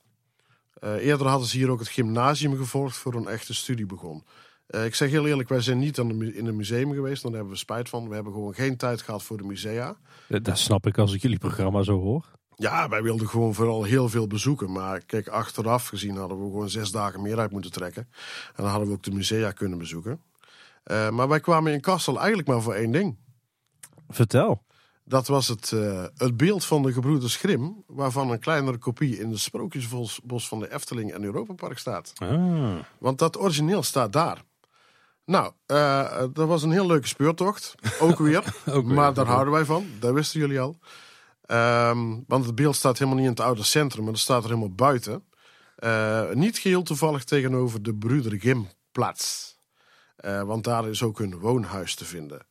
Nou ja, wij hebben daar geparkeerd tegenover de brandweer. Volgens mij mochten we er niet eens parkeren. Maar ik heb op heel veel plekken gedacht van, het zal wel. Eh, ik ken geen Duits op dat moment, dus het zal allemaal wel. Eh, hoewel me dat wel redelijk goed afging. We zijn daar overgestoken, een vierbaansweg met ook nog een dubbele tramrails. Dus het was met gevaar voor eigen leven. En daar was een heel klein grasveldje en daar stond dat beeld. Eh, totaal geen eh, sprookjesachtige omgeving of wat dan ook. We stonden midden op een verkeersplein. Maar eh, ik vond dat een, zelf een heel bijzonder moment, omdat je dat beeldje heel goed kent. En dit de beeldje was zo'n speurtocht om dat te vinden. En ja, dat was voor mij wel echt een, een, een hoogtepunt van heel die route, want het deed me wel wat, ja. Als ik het zo hoor, dan heel veel van dit soort bezienswaardigheden op die route zijn ook helemaal niet zo ingericht op zeg maar de komst van heel veel toeristen. Nee, totaal niet. Nee, ja, kijk, de beelden die overal in het centrum staan, en daar is die natuurlijk wel, maar dan loop je toevallig toch langs omdat ze op de markt staan. Maar dit beeld is totaal niet eh, daar neergezet om, eh, om toeristen te trekken, want je moet met gevaar voor eigen leven al die weg oversteken. En sommige beelden die staan ook gewoon midden in een woonwijk. En dan denk je, Ja. oh, oké. Ook, ja. niet altijd niet eens parkeerplaats of zo. Ja, een wijk maakt natuurlijk iets minder uit. Maar je hebt ook een aantal burgers, ja, daar kun je gewoon met de auto niet naar boven rijden. Dan moet je altijd die klim maken naar boven. Ja. E- Even een intermezzo, Carlo, want jij, jij had een soort van, hè, je had een, een, een duidelijke planning opgesteld met wat je welke dag wilde gaan doen en wat je, wat je wilde gaan zien. Waar haalde jij die informatie dan vandaan, wat, wat waar te vinden was? Nou ja, die drie weken dat ik er mee bezig ben geweest, was gewoon het, eh, het internet afstruinen vooral. Want de echte folders die, eh, waar alles in stond, die heb ik natuurlijk tijdens de route pas kunnen vergaren. Bij de VVV-kantoortjes. Nee, ik, ik miste ook wel echt gewoon een pdf met een hoge resolutie plattegrond erin. En al die, eh, die uitleg die je dus wel gewoon in de VVV-kantoren kreeg. Ja, dat klopt. Die is bijna niet te vinden. Het zijn allemaal lage resolutie eh, dingen. En ik heb gewoon, eh, ja, centimeter voor centimeter heb ik dat ding uit zitten ver- vergroten. En, en elk plaatje opgezocht wat, wat er te vinden was. En ik heb op een gegeven moment heb ik ook een, een digitaal boekwerk heb ik aangeschaft. Dat kostte 9 euro geloof ik. Ik ben even de naam kwijt hoe het heette. Maar dat gaat eh, helemaal over de sprookjesroute. En daar was ook iemand die hem dus met een camper heeft gereden. En die heeft hem heel uitgebreid eh, beschreven. Maar ook hier weer niet alles. Want wij hebben ook weer andere dingen ontdekt. Zoals in die wijken. Die gewoon dus helemaal niet beschreven worden in die route. En dat maakt het voor ons wel nog veel interessanter. Jullie deden echt eh, pionierswerk af en toe. Wij hebben echt pionierswerk gedaan, ja. Want ik denk dat wij gewoon op heel veel fronten zelfs ook die officiële lijsten gewoon nog wel aan kunnen vullen. En nog even terug naar Kassel, Carlo. Want heb jij nog een van de musea daar bezocht? Nee, we hebben geen musea bezocht. En achteraf heb ik er heel veel spijt van. Want het, eh, vooral het Gebroeders Grimm Museum had ik ook wel willen bezoeken. Maar eh, daar heb ik maar één antwoord op. We hadden geen tijd. Wij hadden maar, eh, maar zeven, acht dagen de tijd. Ehm, ja, en we wilden zo ontzettend veel zien. Dat wij alle musea hebben overgeslagen. Maar wij hebben ook al tegen elkaar gezegd, Hanni en ik. Wij gaan naar eh, bepaalde locaties nog terug. En dan gaan we gedeeltes van die routes. Dan gaan we gewoon een week blijven. Dan gaan we helemaal nog helemaal uitspeuren wat er te vinden is. En dan nog naar die musea toe. Nou, Kassel zelf, daar wilden we eigenlijk wel in. Alleen dat was met de camper dus heel lastig. En dan hadden ze geen camperplaats centraal liggen. En bijvoorbeeld ook bij het musea kon je... En ook bij de musea kon je niet parkeren. Voor zover ik had kunnen vinden toen. En met een groot voertuig zoals wij bij hadden. Dus dat is eh, bij ons een beetje daar in het water gevallen. Ja, terwijl parkeren eigenlijk op heel de route, eigenlijk ja, in de grote steden is het altijd lastig. Maar parkeren is eigenlijk nooit nergens zo'n probleem. Ik denk dat wij op heel de route van al die dagen, ik heb het bij elkaar geteld, maar ik denk dat wij maar eh 10 à 15 euro kwijt waren aan parkeergeld. Ja, bij ons was het ook alleen Kassel en Bremen. Daar waren de lastigste qua parkeren. Ja, ja, Bremen ben ik dan niet geweest, maar daar komen we straks op terug. Want ik had in Kassel ook wel graag het museum Grimweld Kassel willen bezoeken. Want daar liggen heel veel historische pronkstukken tentoongesteld, zoals de handgeschreven kopieën van de Grimsprookjes. Met de handgeschreven commentaren van de heren erbij. Oeh. Dus dat had ik echt wel willen zien. Maar ja, Klinkt eh, heel herkenbaar. Daar hebben wij ook iedere vakantie last van. en die dag hebben wij, die woensdag hebben wij nog afgesloten in Hannover Munden. Ehm, verder voor de sprookjes eh, zien niet interessant, er zijn geen sprookjes te vinden. Maar hier komen de rivieren de Fulda en de Werda bij elkaar en vormen hier samen de Wezer. Dus eh, als je daar op de kaart staat, dan heb je een soort eh, eh, Piranha 2.0. Want er gaat met een grof geweld van alle kanten komt er water aan. Dat is prachtig om te zien. Verder ook een heel mooi plaatsje, maar daarna zijn we teruggegaan naar ons vakantiehuis in Bernshausen, waar daar zaten wij voor de laatste nacht al daar om de volgende dag weer in te gaan. En zitten we in jouw vakantie op de donderdag volgens mij. Hè? Nu zitten we op de donderdag inderdaad, ja. Precies de helft van jullie reis, hè? Eh, dat klopt, ja. Maar nog heel veel mooie dingen te, ontdekken. Eh, want die donderdagochtend zijn we weer heel vroeg vertrokken. We hebben alle spullen in de auto gegooid, bijna letterlijk. En we zijn gaan rijden, eh, deze keer de route ten oosten van Kassel. Eerst kwamen we langs het plaatsje Morsjen. Als ik het goed uitspreek, geen idee, ik zou het daar moeten vragen. Voor een bezoek aan een prachtige kloosterkerk, het klooster Haidau. Eh, daar waren verder geen sprookjes aan vast of zo, eh, dachten wij. Maar wel opvallend was daar vooral de gastvrijheid in de eh, kapel waar je zo binnen kon. Het was heel warm weer. Er binnen staan bijvoorbeeld op een, op een tafel staan gratis flesjes water met zoem metnemen. Dat is echt, dat kan alleen in Duitsland. Want in Nederland zouden ze daar meteen misbruik van maken.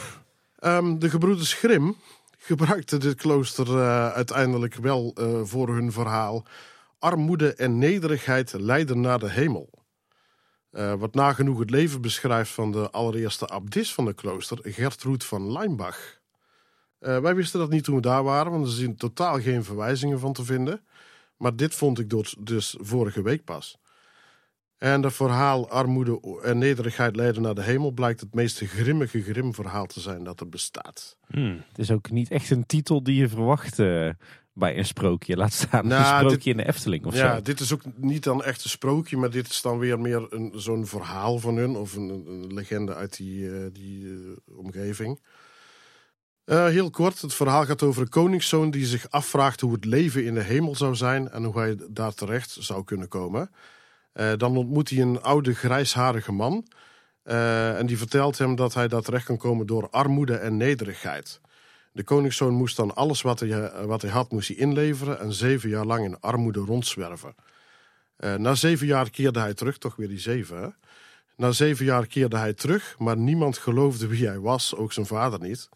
Eh, heel kort, aan het einde van het verhaal sterft hij met in de ene hand een roos en in de andere hand een lelie, met naast hem zijn levensverhaal op papier.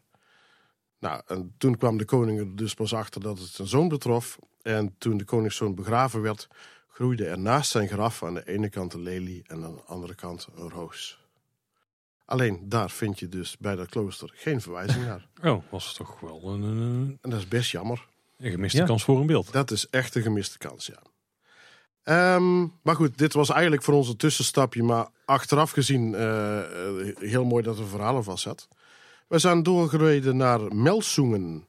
En Melsungen is weer zo'n Duits stadje van meer dan duizend jaar oud. Helemaal vol met prachtige vakwerkhuisjes en eh, van hout en alles. En eh, daar staat ook een slos. En deze keer niet op een berg, gelukkig, maar gewoon midden in het centrum. Eh, wel opvallend eigenlijk, want de meeste kastelen staan daar op heuvels. Maar deze staat gewoon midden in het centrum. En daar staat een prachtige beeldengroep van de ganzenhoedster met vijf ganzen erbij. Maar waar Milsingen vooral onbekend staat, eh, die staat bekend om de Bartenwitser. Het is niet echt een sprookjesfiguur, maar het is een symbolische figuur voor de stad. De Bartenwitser is namelijk een houthakker met een bijl. Want in de middeleeuwen leefden de meeste bewoners van Melsungen van de houtkap. En eh, in de zachte zandsteen van de Baartenwetserbrug, die we ook bewandeld hebben, die ligt midden in de oude stad over de rivier de Fulda. Daar slepen ze elke dag hun bijl, zeg maar, over, die, eh, over de zandsteen. En de sporen daarvan zijn nog steeds te zien in de reling van de brug. Eh, op en bij de brug staan eh, een paar levensgrote beelden van de Bartenwetser. En ook is er een bronzen maquette van de stad te vinden met daarop alle gebouwen en torens. En die staan er nogal wat, torens. Eh, daar zijn ook heel veel natuurwandelingen te, te bewandelen.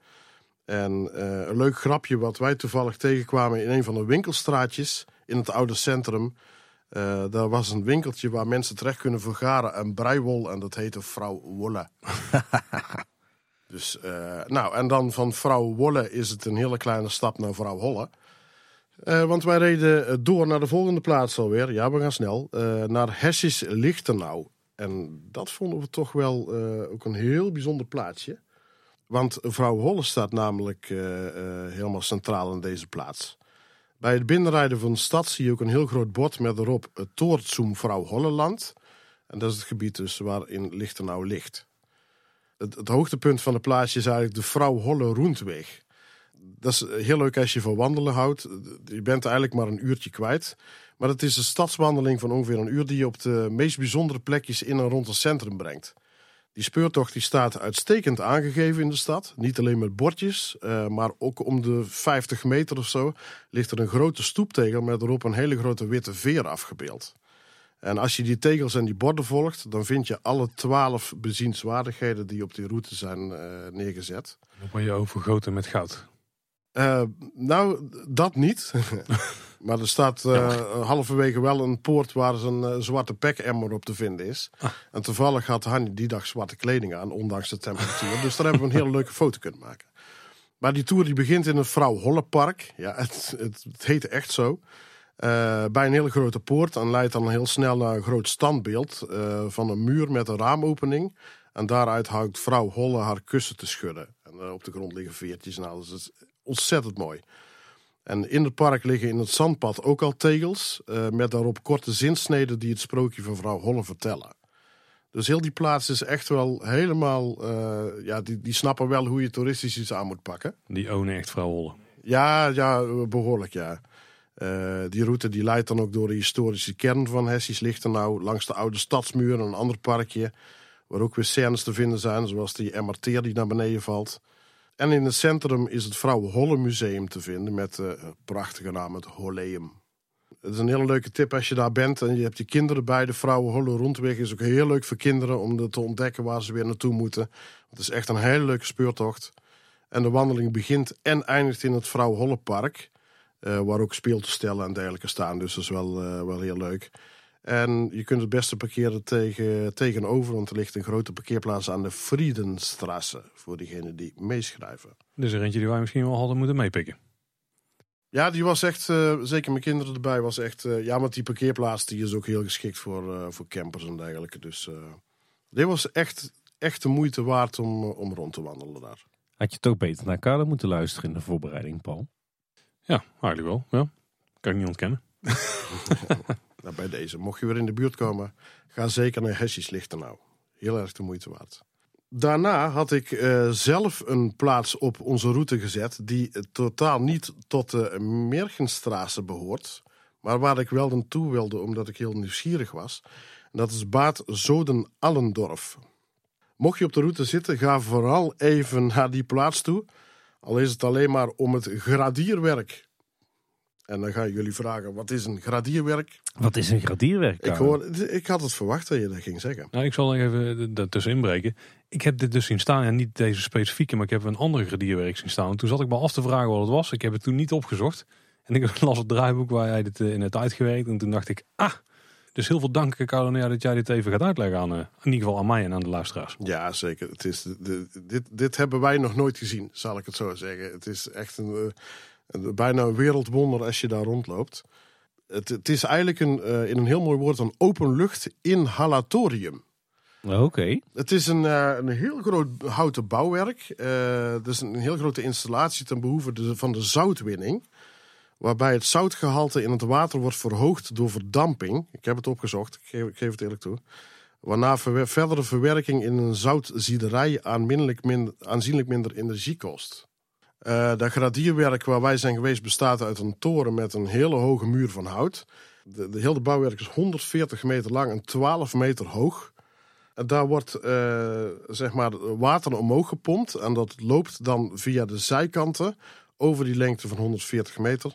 Loopt dat weer, druppelt dat omlaag eh, langs bossen van fijne takken van sleedoorn. Als je daar aankomt, het, het, lijkt gewoon op de ark van Noach die in het landschap ligt. Het, is, eh, het, ge- het gebouw is daar neergezet eh, ten bate van het kuuroord wat ernaast ligt. Ehm, want als je eh, rond dat gebouw gaat rondlopen, er staan ook allemaal lichtbedjes op het gras. Het heeft een, een helende werking als je de zoute lucht inademt. Dit gradierwerk is eh, het laatst overgebleven gradierwerk in de stad. En is een van de laatste bouwwerken van dit type in heel Duitsland. Dus het is echt wel een uniek ding. Eh, hij dateert zelfs het al uit 1638 Zo. en is in eh, 2018 volledig gerenoveerd. En dit gradierwerk voorziet de naastgelegen spa en kuuroord nog steeds van 12% pekel. Dus hij is nog echt in volle werking. Het grootste gedeelte van het, van het gebouw is ten alle tijde vrij toegankelijk. En eh, je kunt in de kooromgang, zoals dat zo mooi heet, kun je helemaal rond het gebouw lopen, overdekt. En in de zomermaanden zijn dus lichtbedjes beschikbaar gratis. En een deel van het gradierwerk is direct geïntegreerd in de saunatuin van het Werrataal Terme. Moeilijke woorden allemaal. Eh, klein stukje historie ervan. In het gebied Zoden werd er al sinds het jaar 779 zout gewonnen uit pekel. Vroeger werd pekelwater verhit op vuur, totdat het water verdampt was en er alleen pekel overbleef. Eh die kostte echter veel te veel brandhout en later bruinkool. En om zuiniger te werken werd pekelwater naderhand in zo'n gradierwerk helemaal naar boven gepompt. Wat vervolgens weer naar beneden druppelde over stro, tegenwoordig dus over sleedoorn. En op deze manier verdampt het water ook en wordt de pekel gegradeerd. Oftewel geconcentreerd tot een zoutgehalte van ongeveer 25%. Oftewel gradieren betekent zoveel als het gehalte verbeteren tot een hogere graad brengen. Eh, In Zoden- Zoden stonden vroeger 22 van deze bouwwerken, later teruggebracht naar 14. En rond 1906 werden ze nagenoeg allemaal gesloten. Wij hebben onze ogen uit staan kijken. Als je daar rondloopt, eh, ik heb ook, eh, jullie hebben filmpjes van mij gezien ook. Eh, ik heb daar gefilmd.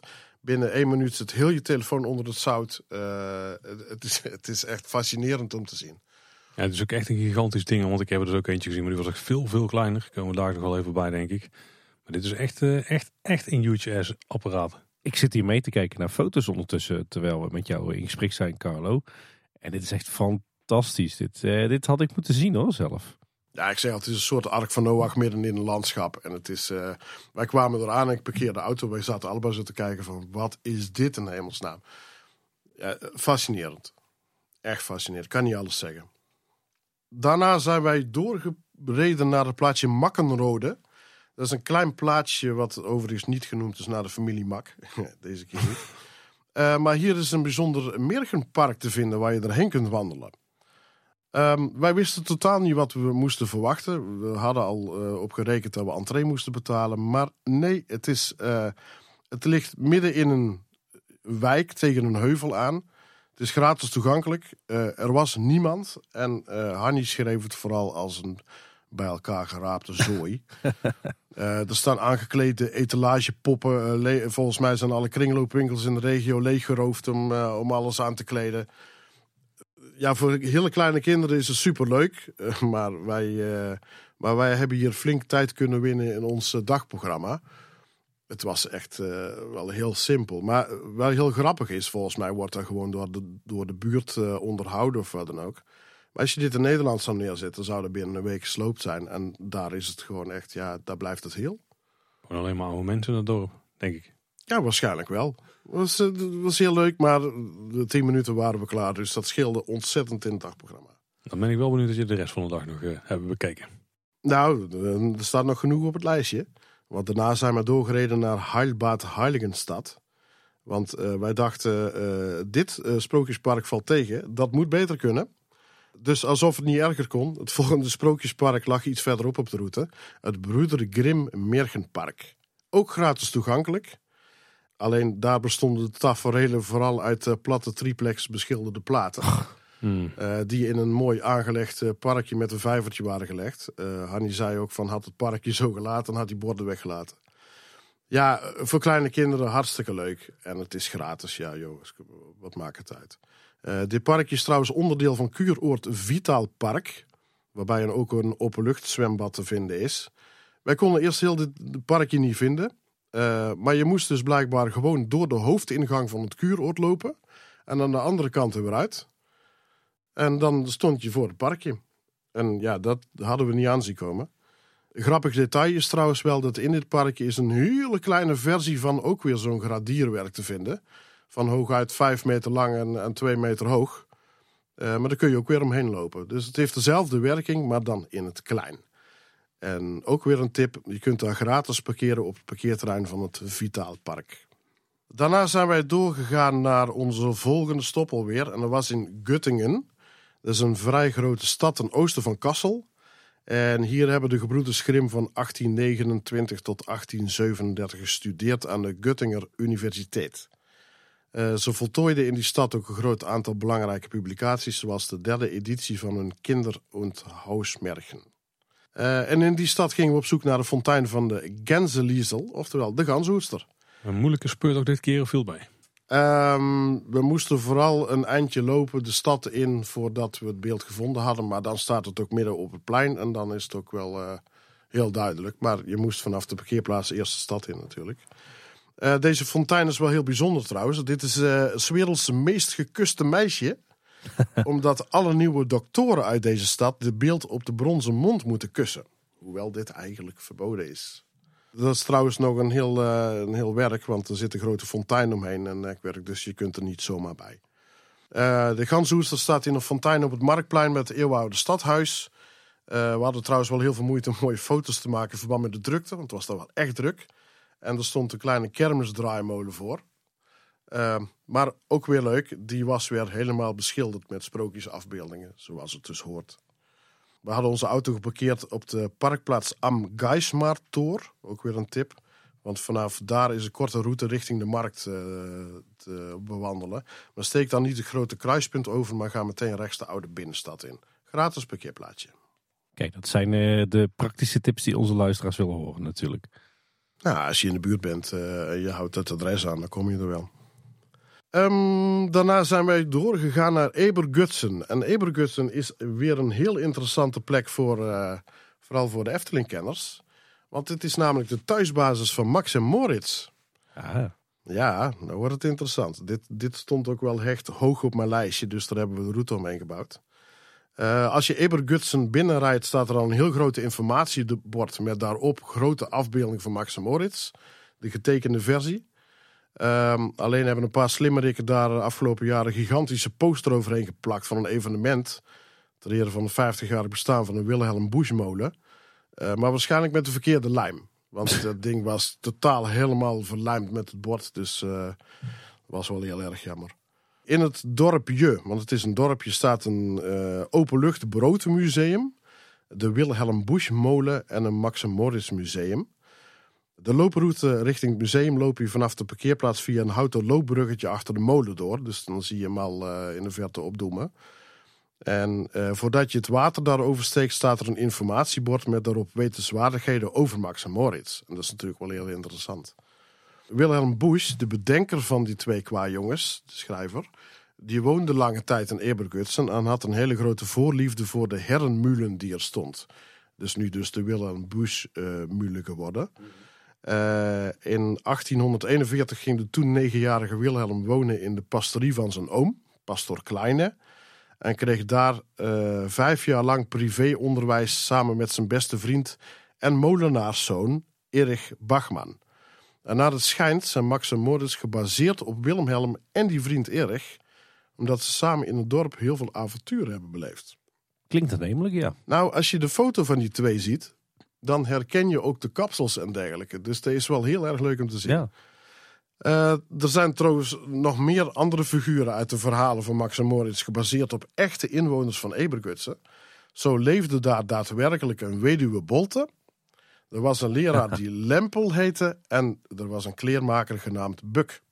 Schitterend. Ja, is echt. En het houten bruggetje waar wij overheen hebben gelopen richting de molen, is naar de schijnt ook het bruggetje dat doorgezaagd werd door, werd door de belhamels. En de molen heeft ook een hoofdrol gekregen in het verhaal. Dus je loopt daar echt, echt in het verhaal van Max en Moritz. Echt heel leuk om te zien. Wilhelm Busch heeft hier dus echt zijn, eh, zijn inspiratie opgedaan. Ja, zeker ja. Ja, straks komen we nog op Wilhelm Busch eh, eh, terug. Want hij is hier niet geboren, maar heeft hier wel heel lang gewoond. Eén nadeel, wij waren daar pas iets voor half vijf, later in de middag. Eh, het museum stond echt op het punt om te sluiten, dus ook daar konden we niet naar binnen. Maar er staan voor de deur staan twee hele grote houten beelden van eh, Max en Moritz. Ehm, daar zijn we nog mee op de foto's geweest. eh, net voordat ze naar binnen werden gereden, dus we waren precies op tijd.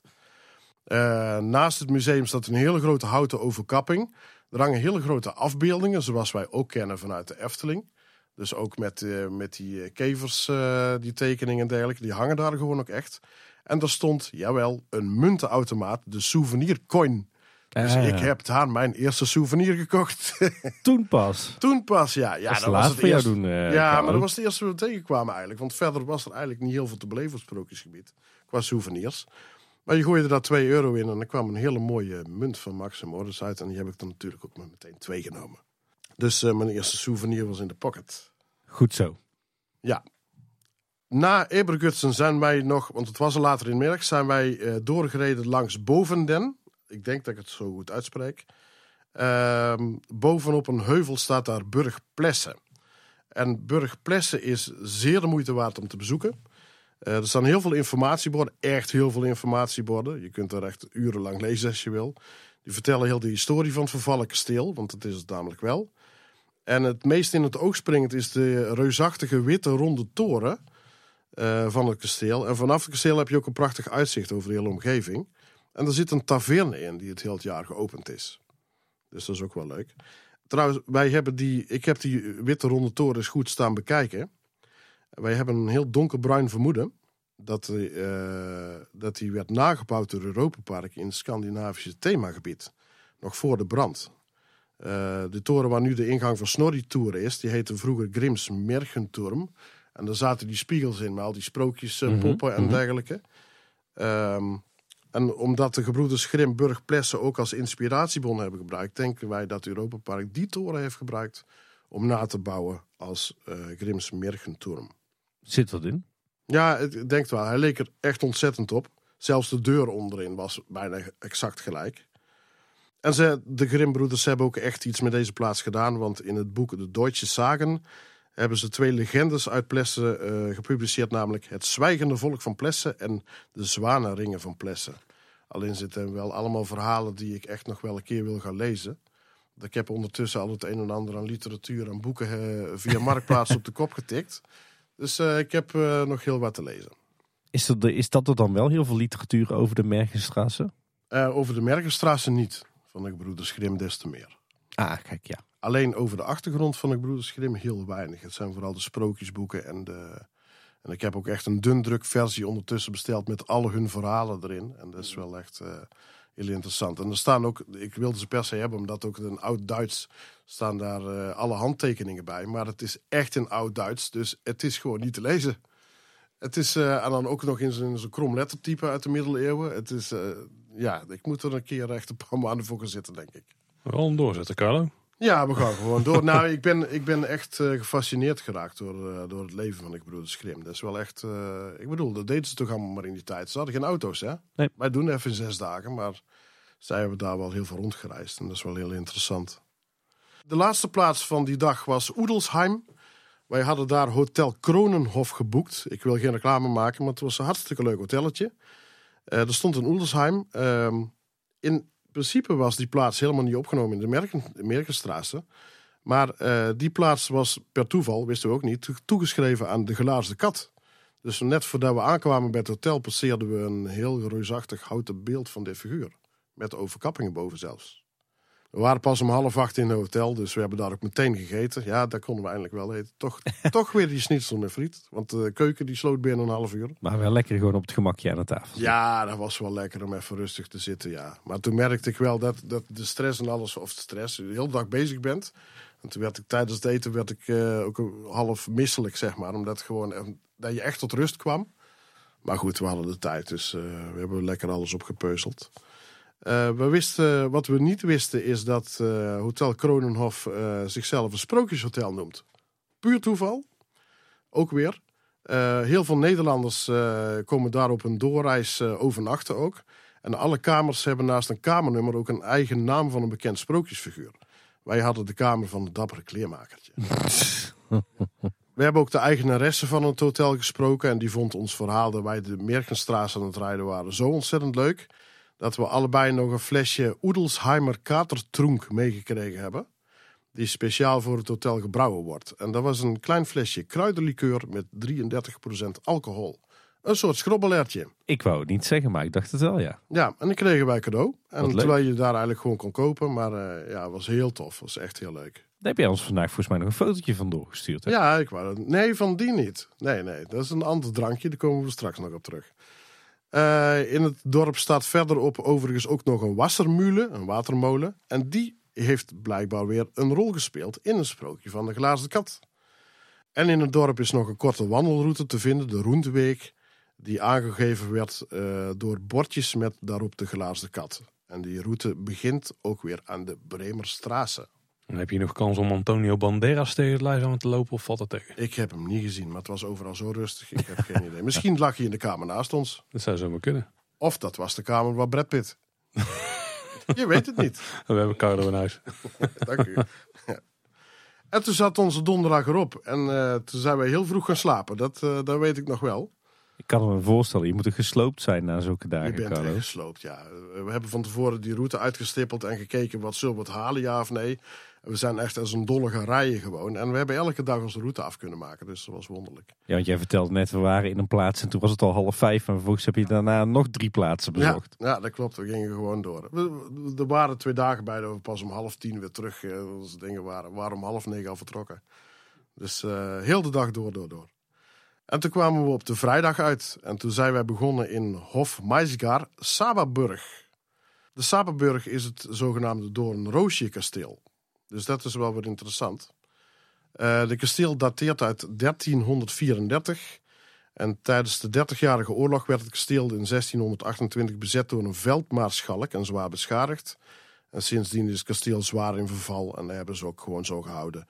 Er is geen onderhoud eh, meer eh, geweest. En de hagen en de rozenstruiken rond het kasteel hebben dus ook de kans gekregen om het gebouw te overwoekeren. Waar kennen we dat van? Ja, De gebroeders sprookje. Grimm die dachten dus ook van... hé, hey, dat kunnen we wel gebruiken voor ons sprookje. Dus puur vanwege het slechte onderhoud van het kasteel... zijn die rozen daar gaan groeien. Want links naast het kasteel is ook een ommuurde rozentuin te ontdekken... waarin de, de roos met de naam Den Roosjenslus Saberburg bloeit. Die heet ook echt zo. Hmm. Tevens is er ook een wandeling te doen daar. Er is een Mauer-Rundgang, dus die loopt over de eh, kasteelmuur. Duurt ongeveer 15 minuten, kun je een heel kasteel rondlopen. En op de grote binnenruimte van het kasteel zit geen dak meer, maar via een gat in de muur, waar daar toevallig zit, omdat de houten plaat weg was, konden we binnen nog een hele grote schouw zien zitten. Ja, daar was echt zo'n schouw zoals je in de, de Disney-tekenfilms ziet, zeg maar. Dat was echt, eh, echt bizar. In de zomer worden daar diverse evenementen gehouden, zoals theatervoorstellingen en live muziek.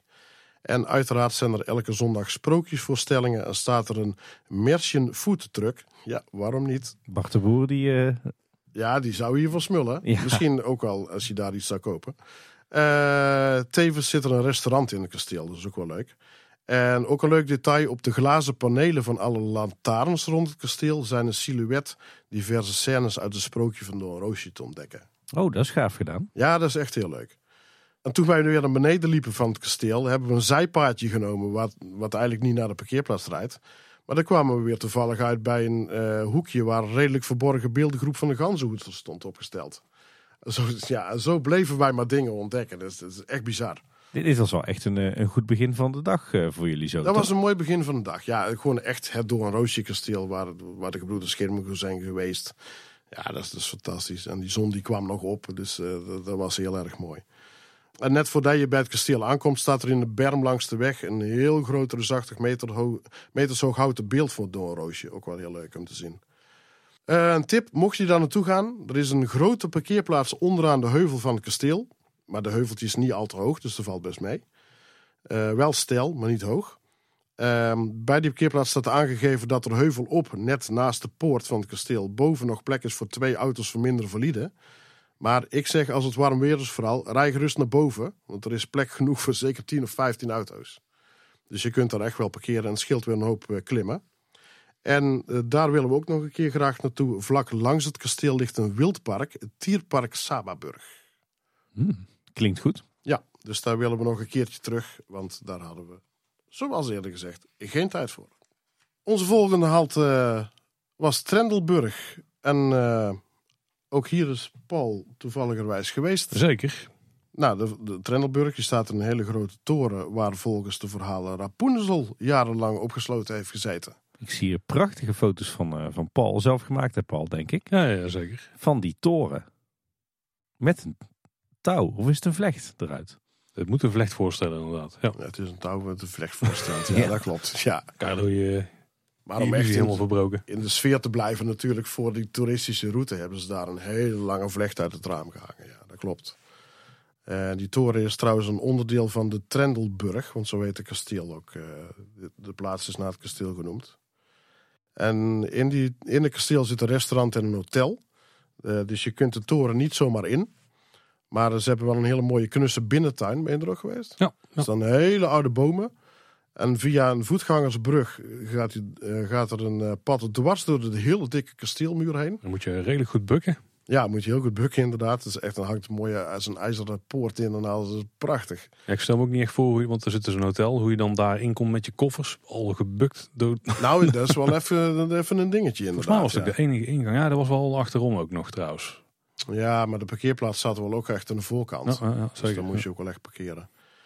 Ehm, en buiten die eh, kasteelmuur kun je, eh, dat is natuurlijk leuk voor de toeristen en voor de kinderen, kun je een foto maken bij een houten bord waar de hoofden uitgezaagd zijn. Je kent ze wel. En ook hier staat een muntenautomaat van een klein souvenirtje. Yes, mijn tweede souvenir was binnen. en hier op de binnenplaats staan ook heel veel sprookjesafbeeldingen op de lantaarns. Zoals bij het Doornroosje kasteel. Dat is wel heel leuk.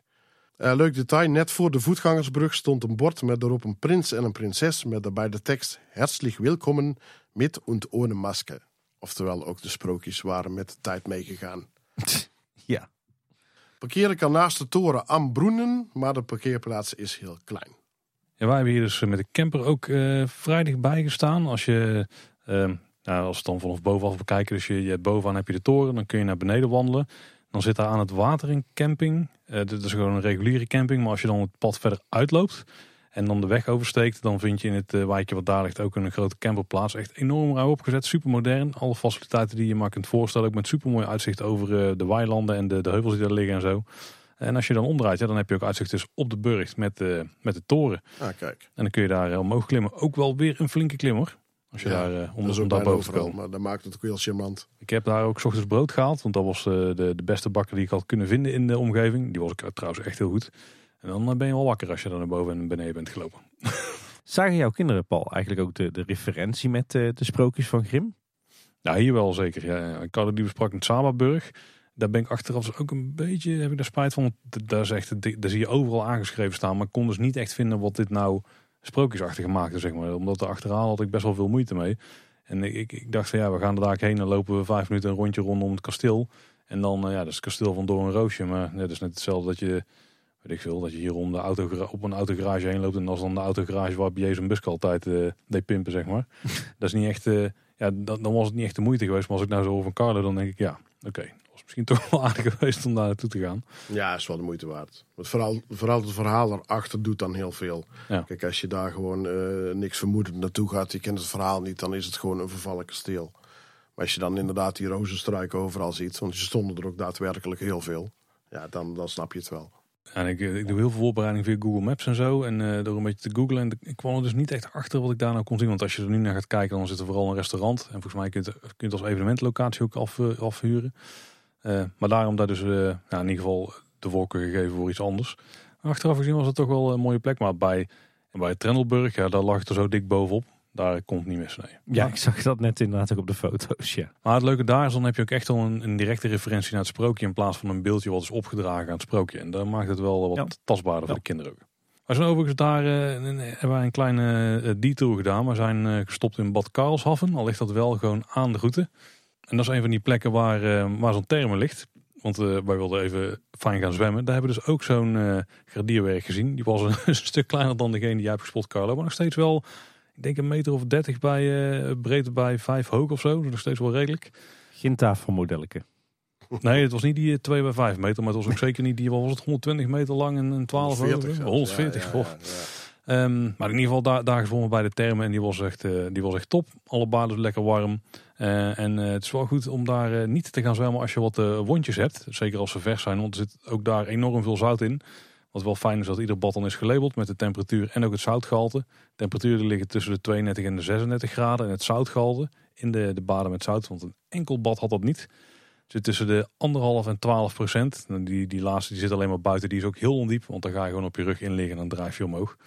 Eh, En er zit ook nog daar een sauna en wellnesscomplex bij. En wat het in de meeste gevallen zo was bij die termen, is dat je voor een x aantal uur een eh, kaartje koopt. Het begint meestal vanaf twee uur en dan kun je tot, twee, tot drie, vier, vijf uur en soms een dagkaart scoren. Wat ik nog relatief betaalbaar vond. Volgens mij hebben wij een gezinskaart voor onder de 40 euro of zo eh, gekocht. Voor 38 euro of zo waren we met z'n allen binnen voor twee, drie uurtjes. Ik weet niet eens meer hoeveel het precies was. Dus nou prima. Tussendoor stop je. Ja, ik ben mij te herinneren toen wij eh, zelf eh, in Baden-Baden sliepen, dat eh, het daar ook stikt van dit soort termen en medicinale baden. En meestal waren wel vrij modern. Als je een beetje die, die klassieken zoals je ze in Budapest of zo denkt te treffen wil zien, dan moet je hier niet zijn volgens mij. Want die Duitsers die hebben het wel allemaal mooi gemoderniseerd. Ja, dat was in Baden-Baden ook het geval. Ja, en in dat, eh, de Bad Karlshaven ook, dat ligt in het Wezertaal. Dat is ook weer zo'n groot natuurgebied. En er liggen ook weer diverse plaatjes. eh, waar we, een paar die we niet bezocht hebben, is bijvoorbeeld Fürstenberg. Er zit een oud porseleinmuseum voor de geïnteresseerden. En in Holzminden, eh, dat is een heel oud stadje waar een klooster staat uit het jaar 1815. Staat ook weer op de werelderfgoedlijst van UNESCO. Eh, daar wordt het parfum Liebesglück geproduceerd in Holzminden. Maar daar zijn wij ook niet geweest. Wij eh, reden daarna rechtstreeks door naar Polle. Polle? Ja, niet van de keuken. Ah, Dat was wel de reden dat ik daar nog een foto heb gemaakt bij het bordje volgens mij. Dat zou zomaar kunnen, ja. Maar ze zullen best wel keukens hebben in Polle. Dus dat scheelt alweer. Maar eh Polle is eh, de thuishaven van Assepoester. Eh, midden in Polle ligt een burgruïne. En dat is het zogenaamde Assepoesterkasteel. En zo wordt het dus ook daadwerkelijk verkocht, zeg maar, voor de toerist. Het is eigenlijk niet meer dan een ruïne die op een lage heuvel ligt. Maar dat is heel erg de moeite van bezoeken waard.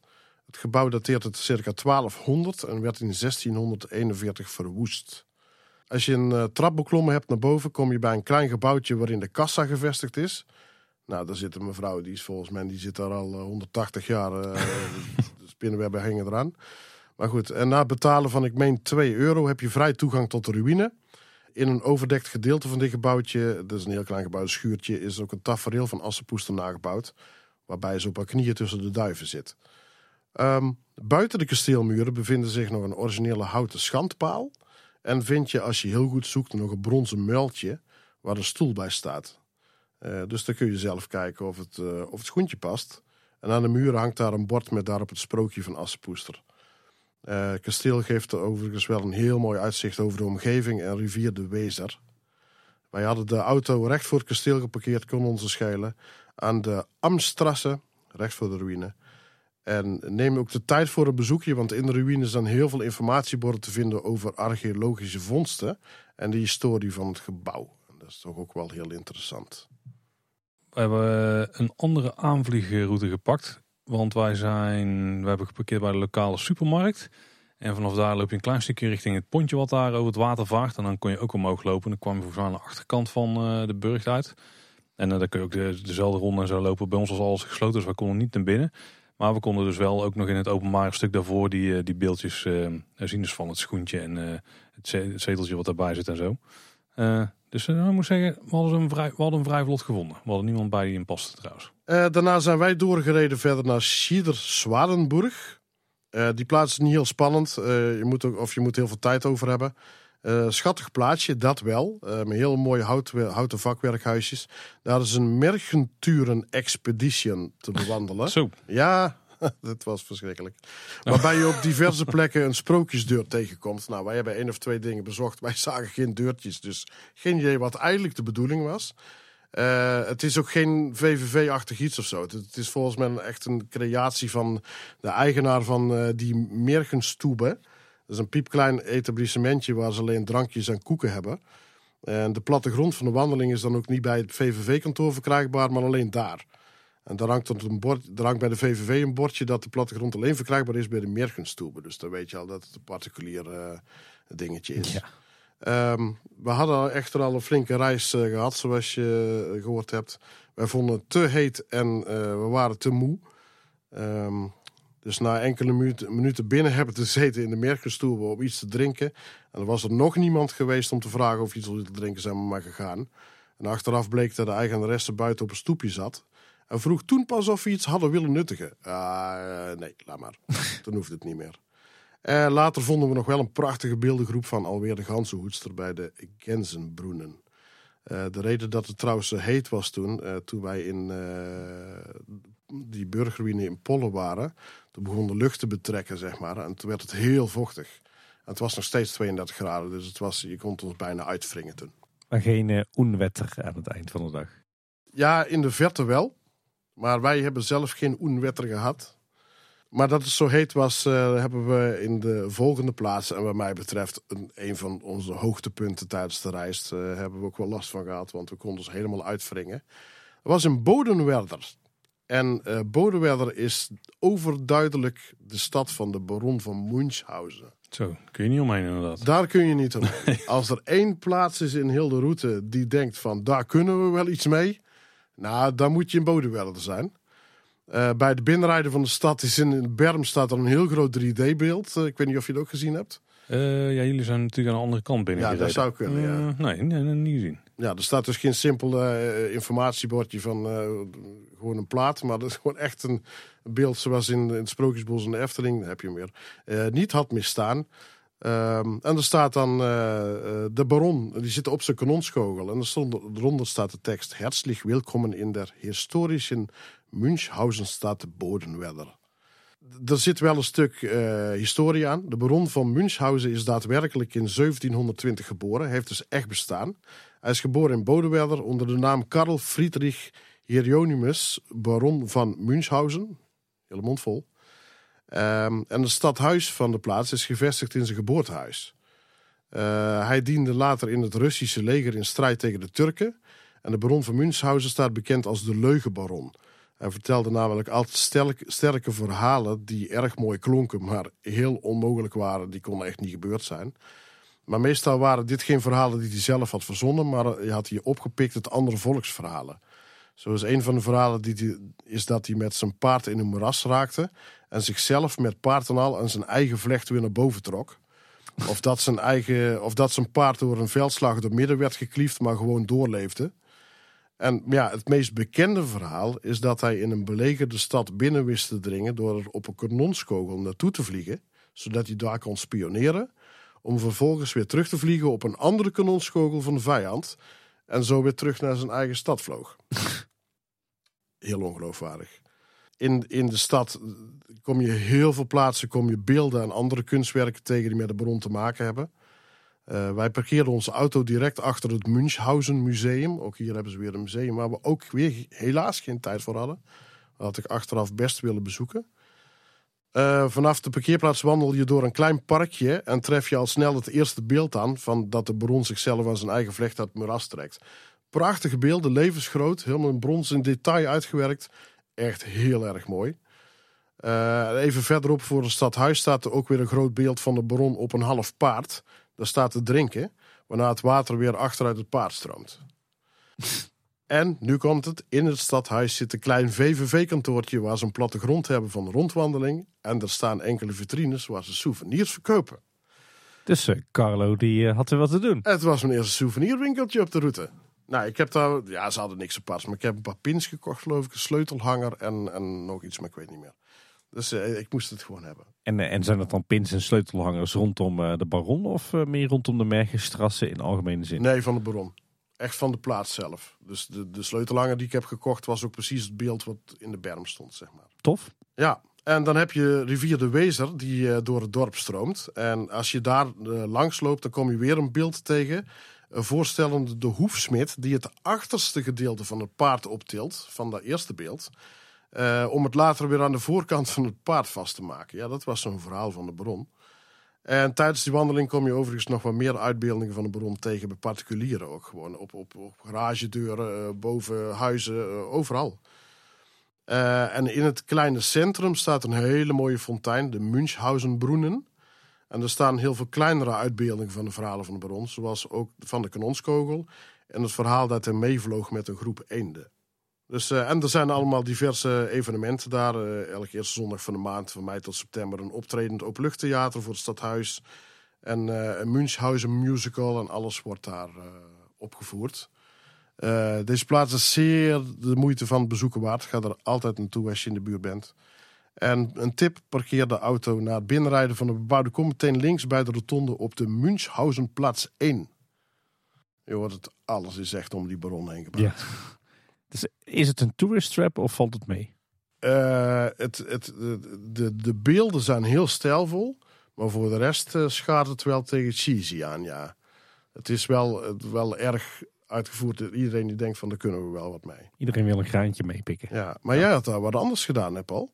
Nou ja, we hebben ook wel de- het dorp bezocht. Eh, We waren ook niet op het moment daar dat er iets open was van een museum. Dus daar zijn we niet eens in geweest. Volgens mij ging het eh Baron Munchausen Museum zelf ging dicht. Exact toen wij, eruit kwamen, toen wij eraan kwamen. Maar je hebt er ook nog wel die mooie voortuin hè, waar een hoop beelden of beeldenissen in staan. Ik moet zeggen dat de beeldjes aan zich wel, eh, wel smaakvol waren. Tenminste de, de officiële bronzen beeldjes dan. Eh, die jij net allemaal beschreef. Maar alles wat daarbij is eh, kan beter. We stonden eigenlijk helemaal aan het einde van de hoofdstraat ge- geparkeerd met de camper. Daar zit echt een enorme camperplaats. Plek voor, ik heb geen idee, ik denk wel 40 campers of zo, misschien wel meer. En een speeltuintje zo erbij. Maar als je dus dan vanaf daar het hele dorp uitloopt, langs alle beeldjes, langs eh, het museum, ook langs de parkeerplaats waar jullie eh, hebben geparkeerd en je steekt er de straat over, dan kom je wel op een eh, voor ons hele toffe plek. Want daar heb je namelijk de rodelbaan Bodenweder liggen. Bodenweder, waar dat weet ik veel. Ja. Ehm, en dat is niet alleen een rodelbaan, dat is eigenlijk in het algemeen een soort openlucht entertainmentcentrum. Daar heb je echt een berg speeltuinen. Je hebt er allemaal van die kleine kinderactiviteitjes, wat je ook eens op zo'n kleine autootje rijden en eh, wat waterspelletjes en zo zijn er. Maar het belangrijkste is toch wel ehm, de rodelbaan. Tenminste, zo noemen ze het zelf. Volgens mij is het eigenlijk een alpine coaster. Want eh, het voertuig waar je op zit, zit vast op rails. Eh, twee buizen. Dan is het geen rodelbaan, nee. Nou, want bij de rodelbaan moet je gewoon vrij in de baan of in, Ja. in een... In de grote. en de goot zit, ja, dat was hier zeker niet. Echt een hele vette rit. Het gaat dwars door de bergen. Dat ding gaat ook echt enorm hard.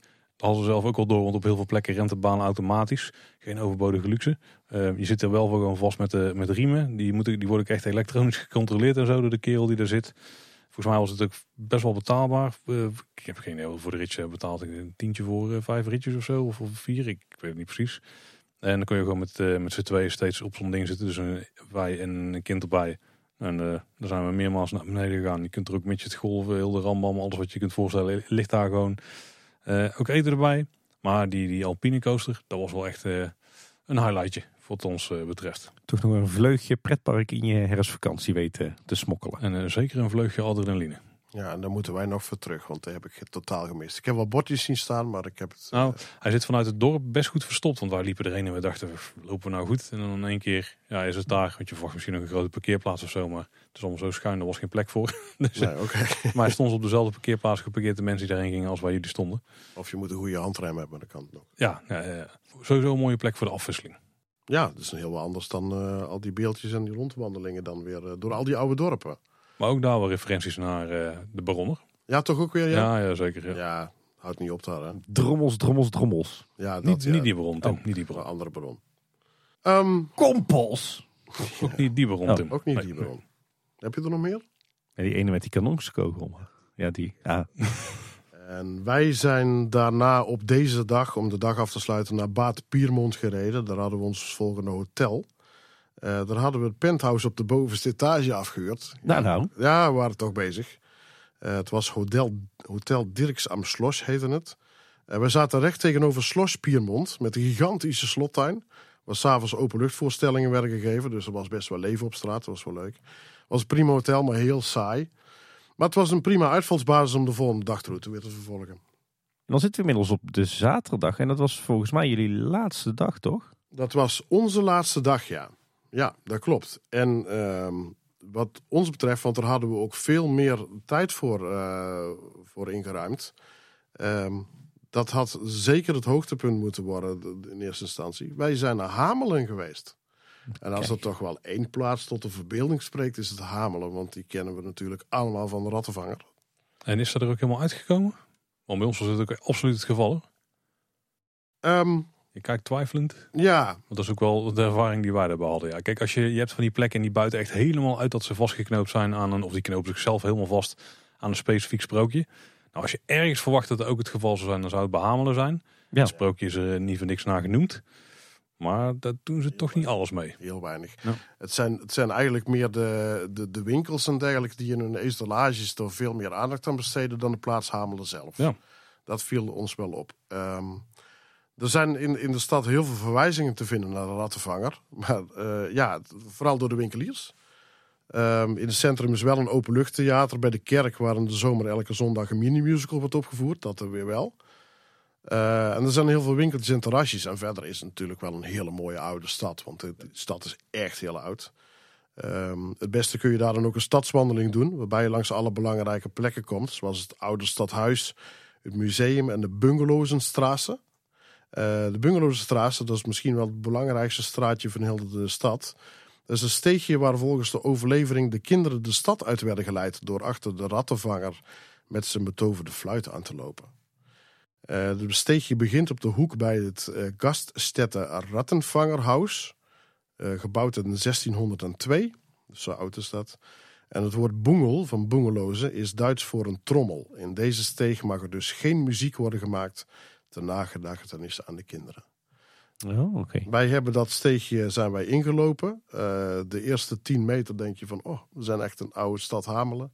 Maar na 10 meter is het allemaal nieuwbouw. En je merkt totaal helemaal niks van die, van die oh, steeg. Het okay. is uh, dat, dat, ja, alleen op de hoek, zeg maar, ja, bij de gastetten uh, lijkt het nog ergens op. Maar, maar Hamelen is wel echt een stad, toch? Het is, het is niet, geen dorp te noemen zoals voor de meeste plekken die jullie bezocht hebben. Nee, Hamelen is wel echt een stad. Het, het, is ook een hele mooie oude stad. Heel veel winkeltjes, heel veel terrassen en dergelijke. Dat, dat is allemaal uh, wel heel mooi. Ook een hypermoderne winkelcentrum, wat ook echt gigantisch is. Volgens mij drie verdiepingen of ja, zo. zit er ook inderdaad, ja. ja. En, zo, ik moet ook zeggen, ja, nou, het, uh, guest, het Gaststätte Rattenvangerhuis aan. En ik denk, nou, dat is ook naartoe geweest. Ik denk, daar zien we de verwijzingen naar de rattenvanger. Nou, ik heb met heel veel uh, moeite gekeken, maar ik kon niks vinden. Ik ja, het gebouw heet zo. Ja. Misschien een gevel vol met ratten of zo, of uh, borden die er aan hangen. Nee. nee. helemaal niks. Ja, in het centrum staat wel een heel mooi beeld van de rattenvanger. Bij de Rattenvanger Broenen, ook weer een fontein. Uh, en er zijn heel veel rijkelijk versierde gevels te bezichtigen in de oude stad. En op heel veel plekken hangen heel mooie metalen uithangborden. En het lijkt wel soms alsof Anton Pieck die stad ontworpen heeft. Zo heb ik het wel ervaren. Oh, okay, het ziet er echt wel heel ja. mooi uit. Uh, wij zijn eigenlijk uh, vanaf de parkeerplaats door de stad heen naar het uh, VVV-kantoor gewandeld. Dat zit net buiten het centrum. En dat is het Hameln Marketing und Tourismus. Klinkt niet sprookjesachtig, maar het heet zo. Daar kennen ze ook de city marketing al dus. Daar kennen ze het wel, ja inderdaad. En die zit op de hoek van de Kastanienwal en de Deisterallee. Net buiten het centrum, zoals ik al zei, moet je eerst een drukke ringweg oversteken. Maar dat kan via een tunneltje eronder door. Uh, naast de VVV-kantoor ligt de Burgergarten. Dat is een stadspark waar veel rondleidingen beginnen. Um, toen wij er waren, begon ook net een rondleiding door de stad, zeg maar. En er staat er ook een man echt in zo'n oud uh, rattenvangerkostuum. En dan had hij een stok bij zich met daarop een rat gestoken. Uh, geen echte natuurlijk. Um, maar dat is dan wel leuk om te zien. Um, alleen, ja, wij gingen daar de plattegrond halen voor de stadswandeling. Uh, toen gingen we hem lopen. Toen ontdekten we dat we exact die route al hadden gelopen bij het VVV-kantoor te komen. dus we hadden alles al gezien. Jullie hadden gewoon puur op uh, vingerspitsengevoel hadden ja. jullie al de, de, meest toeristische route gelopen. Hadden we alles al gezien. En in dat VVV-kantoor, en dan komt hij weer, zit een flinke hoek met heel veel souvenirs. En dan wordt uh, Carlo wakker. Daar hebben ze echt uitgepakt met, daar snappen ze het. Eh, ik heb onder andere een paar magneten gekocht. Een mooi stenen beeldje van de rattenvanger. Dat was echt heel mooi. En een klein flesje kruidenlikeur genaamd Rattenkiller. Nou, Goe- Goeie naam. eh, het, het percentage alcohol uh, verraadt het al. Er zit 50% alcohol in deze likeur. Nou, rattenkiller kunnen ze op dit moment in de Efteling ook wel gebruiken. Ik had het gehoord, ja. Ja. ja. Misschien een voorbode voor het volgende sprookje. Wat, Ja, eh, wie weet. Je weet het maar nooit, hè? Ehm, maar we hadden wat meer tijd uitgetrokken door, dus we wilden ook wat gaan drinken. Eh, daarom zijn we naar de oudste taverne van de stad gegaan. Die heet dan in Imrattenkroek. Eh die zit gevestigd in het oudste renaissancegebouw van de stad. Gebouwd in 1220. Alleen de voorzijde dateert uit ze- 1568. Is nog oud, vind ik nog mooi. Ja. En binnen zijn talloze muurschilderingen te ontdekken. En er staan heel veel attributen binnen. Echt heel mooi. Foto's maken is toch geen probleem, mits het niet te druk is en je het netjes vraagt. Maar dat is echt wel de moeite waard. Ehm, dus daar hebben we mooi wat gedronken. Daar had ik van tevoren al bedacht dat ik daar naartoe wilde. Dus dat hebben we ook gedaan. En in heel de stad is in de betegeling eh, van de straten... is het op talloze plekken een vierkante gouden steen... met erop een rat afgebeeld. Ik weet niet of je dat gezien hebt. eh, ja, zeker. Want die zijn die, wel overal eh, te vinden. en die geven de route aan die de rattenvanger volgens mij heeft gelopen. Wat ook misschien wel eens de route kan zijn die eh, jij bij het VVV hebt opgehaald. Ja, dat zou zomaar kunnen, ja. We hadden in ieder geval een kaartje gewonnen en eh, die, die volgde de, de rattentegels in, eh, door de stad heen. Ja, ja. Nou, we hadden de auto geparkeerd op de parkeerplaats van de Wilhelmstraße. Ook een mooie tip. Daar betaal je 2,50 euro en dan mag je 3,5 uur parkeren. En vanaf daar loop je via de Nooie Marktstraße het centrum in. En dan ben je echt vlak bij het centrum. En een prima parkeerplaats. Heel veel ruimte ook. Toen we achteraf terug naar de parkeerplaats liepen, liepen we per ongeluk verkeerd. En kwamen daardoor langs een slijterij waar ze iets heel bijzonders verkochten. Dat is Rattenfänger Fleutenöl. In heel goed Duits. Eh, oftewel rattenvanger fluitenolie. Het verhaal gaat dat de rattenvanger zijn fluit af en toe ook moest smeren en deed dat met deze olie. En de geur van die bijzondere olie betoverde de kinderen zodat ze achter hem aan bleven lopen. En deze olie werd dan zogenaamd gevonden in een grot. Eh, uiteraard is dit gewoon een verzinsel van de slijterij om, eh, om mee te doen met het toerisme.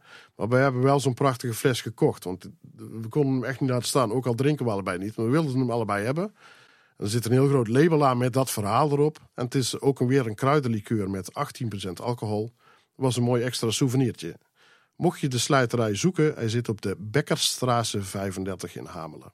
Als ik een beetje kan tellen, heb je, stonden er inmiddels al drie flessen alcohol bij jullie in de koffer. Ja, twee hele kleintjes en wat groter inderdaad. En die blijven ook dicht. Die staan heel mooi bij ons in de kast. Met Kijk. het beeldje van rattenvanger erbij. Zo hoort het. Ja, wij hebben Haarlem dus ook bezocht. Wij moesten de camper ergens kwijt. En dan was het ten zuiden van het centrum was een parkeerplaats. Of een camperplaats waar je kon eh, overnachten. Dat hebben we niet gedaan. We hebben daar gewoon geparkeerd voor betaald. En dan eh, konden we zo de stad in wandelen. Een kleine wandeling ook door een mooi parkje aan de zuidkant. Eh, dan kun je ook eh, met een vernuftig systeem onder de straten door zo eh, het centrum in. Nou, misschien als je net hoort, er zijn nog best wel wat verwijzingen naar de rattenvanger toch te vinden. Maar dan inderdaad wel door de ondernemers zelf. Als je gewoon door de stad zelf heen loopt en je, je kijkt naar de gebouwen en je kijkt om je heen. Dan is het vooral die tegeltjes in de grond en, en een aantal beelden. Maar er verprong nog iets aan waar we zelf eigenlijk het bestaan van niet wisten. Een soort van klok in een gebouw naast de kerk. Ik weet niet precies wat het voor gebouw was. En daar wordt het verhaal van de rattenvanger uitgebeeld. Dat, redde nog enigszins wel de hoeveelheid rattenvanger eh, referenties. Want nogmaals, de klonk als vrij veel. Maar voor een stad die zo groot is en die zo verbonden is met het sprookje viel het toch wel tegen. Maar dat was wel een, tof tafereeltje, ook met de muziek erbij. En dan eh, kwamen er een paar, eh, ja, het was eigenlijk een soort, noem je, een soort molen of zo. Eh, nou, een beetje vergelijkbaar met de Maakse klok, Tim. Maar dan met meerdere lagen diep. Eh, dus alleen dan iets kleiner ook nog. Tenminste, de diameter van de, dus van de beeldjes die langskwamen, die was kleiner. Als je het nog kan volgen, voor de Efteling-liefhebbers vast wel. Eh, en dan zo werd het verhaal eh, gewoon een beetje voor beetje uitgebeeld. En dan klapte het lijks weer dicht en iedereen die ging zijn gang weer. En nu natuurlijk de belangrijkste vraag. Hebben jullie ratten gezien in Hamelen? Geen echte. Geen echte. Nee. Nee. We hadden een hele grote voor de speelgoedwinkel. maar eh, geen echte. Dat klopt, ja. ja. En ook geen eh, live, eh, live entertainment act. Niemand eh, die verkleed was als rattenvanger. Ja, maar, El- ja die, die man die, die rondleidingen gaf. Maar ja, wij waren daar helaas niet op zondag. Dus dan, en dan is die, die musical daar met heel veel kinderen en alles. En dat is de traditie wat ze daar doen. Er staan ook heel veel, het is een openluchttheater, heel veel bankjes staan en dergelijke. Maar wij waren daar niet op de juiste dag helaas. En voor jullie was dat wel de laatste dag, toch? Van jullie eh, tocht. Voor ons was dit zelfs eh, officieel de laatste plaats voor de, voor de Merkenstraße. Wij zijn daarna nog doorgereden naar een paar andere interessante plaatsen. Maar ehm, Paul heeft volgens mij nog wel wat andere plekken bezocht van de Merkstraat zelf. Want als je de route verder vervolgt naar het noorden, dan kom je onder andere langs uh, Wiedenzaal. En uh, nou, degene die daar is geboren, die kennen we inmiddels goed. Dat is Wilhelm Busch. Uh, uiteraard de geestelijk vader van Max Moritz. Inmiddels een bekende verschijning in de Efteling. Niet echt een sprookje, het was een beeldend verhaal wat door Busch was opgetekend en uitgeschreven. En dit plaatsje wordt daar veelvuldig gebruik van gemaakt. Het dorpje heeft niet echt een centrum, dus echt zo'n typisch lintdorp. Dus één straat waar alles aan ligt eigenlijk. Beetje sprangkapellen, maar dan Duits. En dan nog minder aftakkingen van de hoofdweg. Uh, daarbij een hoop verwijzingen naar Wilhelm Busch en uh, uiteraard Max en Moritz. Echt om de zoveel meter dan, uh, dan kun je er iets van vinden. Zoals een lantaarnpaal hangen van die metalen silhouetten die zijn uit, uitgesneden met de beeldenis en zo. Echt een hoop houten beeldjes te vinden zijn van klein tot groot. Er is een, Boltes restaurant. In dit geval volgens mij een snackbar. er is ook een Max Moritz speelplaats. Er is, een, er is het Wilhelm Busch monument. En uiteraard, en dat is een beetje de grote trekpleister hier, al was het dicht toen wij er waren, het Wilhelm Busch Geburtshaus. En daar is een museum gevestigd over Wilhelm Busch. En als je hier wil parkeren, dan kun je het beste gewoon eh, bij de kerk parkeren. Kijk, dus in Wiedenzaal hadden ze het beter begrepen dan in Hamelen. Sowieso. De verhoudingen, eh, verwijzingen naar het sprookje en inwoners in het dorp was dit wel zeker uh, ja, beter. Ja. Trouwens, een leuk weetje, Paul. Wist jij dat de grootmoeder van Willem Busch oorspronkelijk uit Hamelen kwam? Dat is mij onbekend feitje. Ja, ze bracht al heel lange tijd door om te herstellen van haar ziekte en maakte veel reizen in de omgeving. En daar was weer een inspiratiebron voor het werk van Wilhelm. Aan de Fischportenstraße in Hamelen staat ook het Wilhelm Buschhaus. Dat stamt uit 1560 en dat was eigendom van Friedrich Schäfer, die weer een verre afstammeling van Busch was. Dus ze zitten toch weer een beetje in elkaar verweven. Ja. Nog één ding over Wiedenzaal trouwens. Heeft het Efteling ontwerpteam volgens mij ook goed gekeken. Want er zijn gewoon een aantal deuren te vinden die je nu letterlijk in de Efteling terugvindt. Met dezelfde kleurstellingen en uh, motiefjes erop. Jij eh, stuurde op de dag dat jij er was, stuurde jij mij en uh, de redactie van Kleine Boodschap heel wat foto's. En het was inderdaad net alsof we in het andere rijk rondliepen. Ik was toch echt een paar honderd kilometer daarvan verwijderd. Ja. andere plaats die wij hebben bezocht is Nienburg. Een mooie plaats aan de Wezer. Daar hebben we ook aan de overkant weer overnacht. En dan kon je met een bruggetje zo het centrum in. En daar zijn er wat referenties aan ja, sprookjes. Wij kennen ze dus niet. Uh, dus een hoop beeldjes van verhalen die mij verder niks zeiden. Als er al überhaupt een sprookjeslink was. Maar hij stond wel uh, gekenmerkt als een van de sprookjesroute uh, locaties. Nou, mooi centrum, mooie straatjes daarbij. maar die treffen we er enorm veel in deze route. En dan de, de laatste plek die ik van de sprookjesroute wil benoemen... is ook de laatste plek officieel de route, denk ik. Of zit er nog eentje, zit er nog eentje boven? Ja, Bremershaven is oorspronkelijk eigenlijk nog er nog bij hoort aan Boeksthoebe. Maar jij uh, doelt waarschijnlijk op Bremen. Zeker. En dat is qua inwoners denk ik sowieso de grootste stad van het geheel. Wat het overigens ook vrij lastig maakte voor ons om daar een plekje te vinden om de, de camper kwijt te kunnen. Parkeren was lastig. Uiteindelijk hebben we nog gratis kunnen staan bij het lokale zwembad. Er waren wat grotere plekken waar je dan uh, ja, in ieder geval met moeite alles kwijt kon. En dan wandel je in een minuut of 15 naar het midden van de stad. Het sprookjeshoogtepunt hier was toch voor ons wel het beeldje van de Bremer stadsmuzikanten. En dan kun je je afvragen als je er ooit bent geweest, welk beeldje dan? Want er zijn er volgens mij echt tig. Ik, ik heb geen idee hoeveel, maar er sowieso een stuk of eh, acht of zo gezien. Uh, maar degene tussen het raadhuis en uh, de Onze Lieve Vrouwenkerk, die, uh, die komt bezoekers van de Efteling wel eens bekend voor. En daardoor ons betreft het hoogtepunt. En er stond een bronzen beeldje van ja, de opeengestapelde dieren, die samen de Bremer stadsmuzikanten vormen. Nou, die hebben dus echt een hoop gezien in alle vormen uh, en alle materiaalkeuzes die er maar zijn. We hebben bijvoorbeeld een polyester cartoon uitvoering gezien, maar ook hele artistieke uh, uitvoeringen. Um, je hebt er ook uh, een, een, mooi stukje, dat heet Schnoor denk ik. Probeer het goed uit te spreken. En een heel stukje oude stad daar.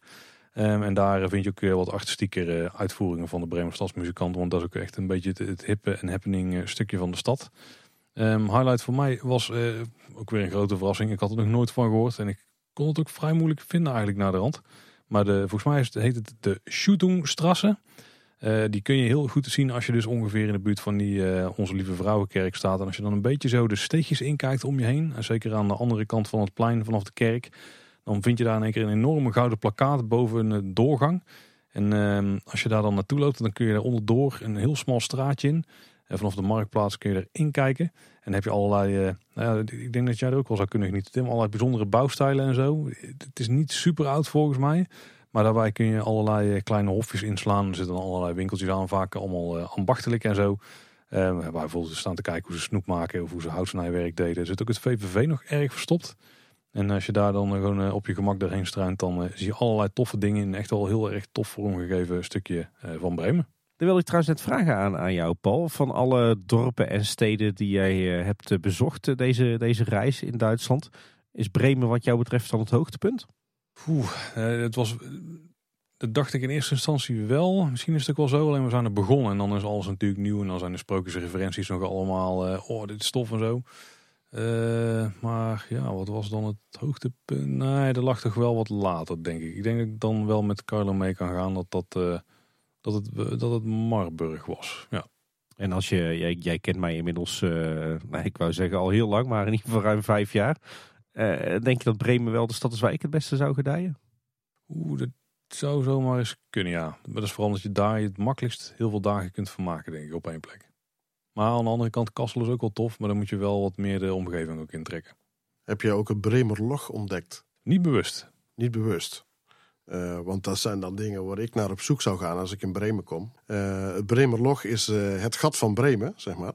Dat ziet eruit als een veredelde putdeksel, maar is eigenlijk een collectebus voor liefdadigheidswerk. Eh, die putdeksel zit gewoon in de grond.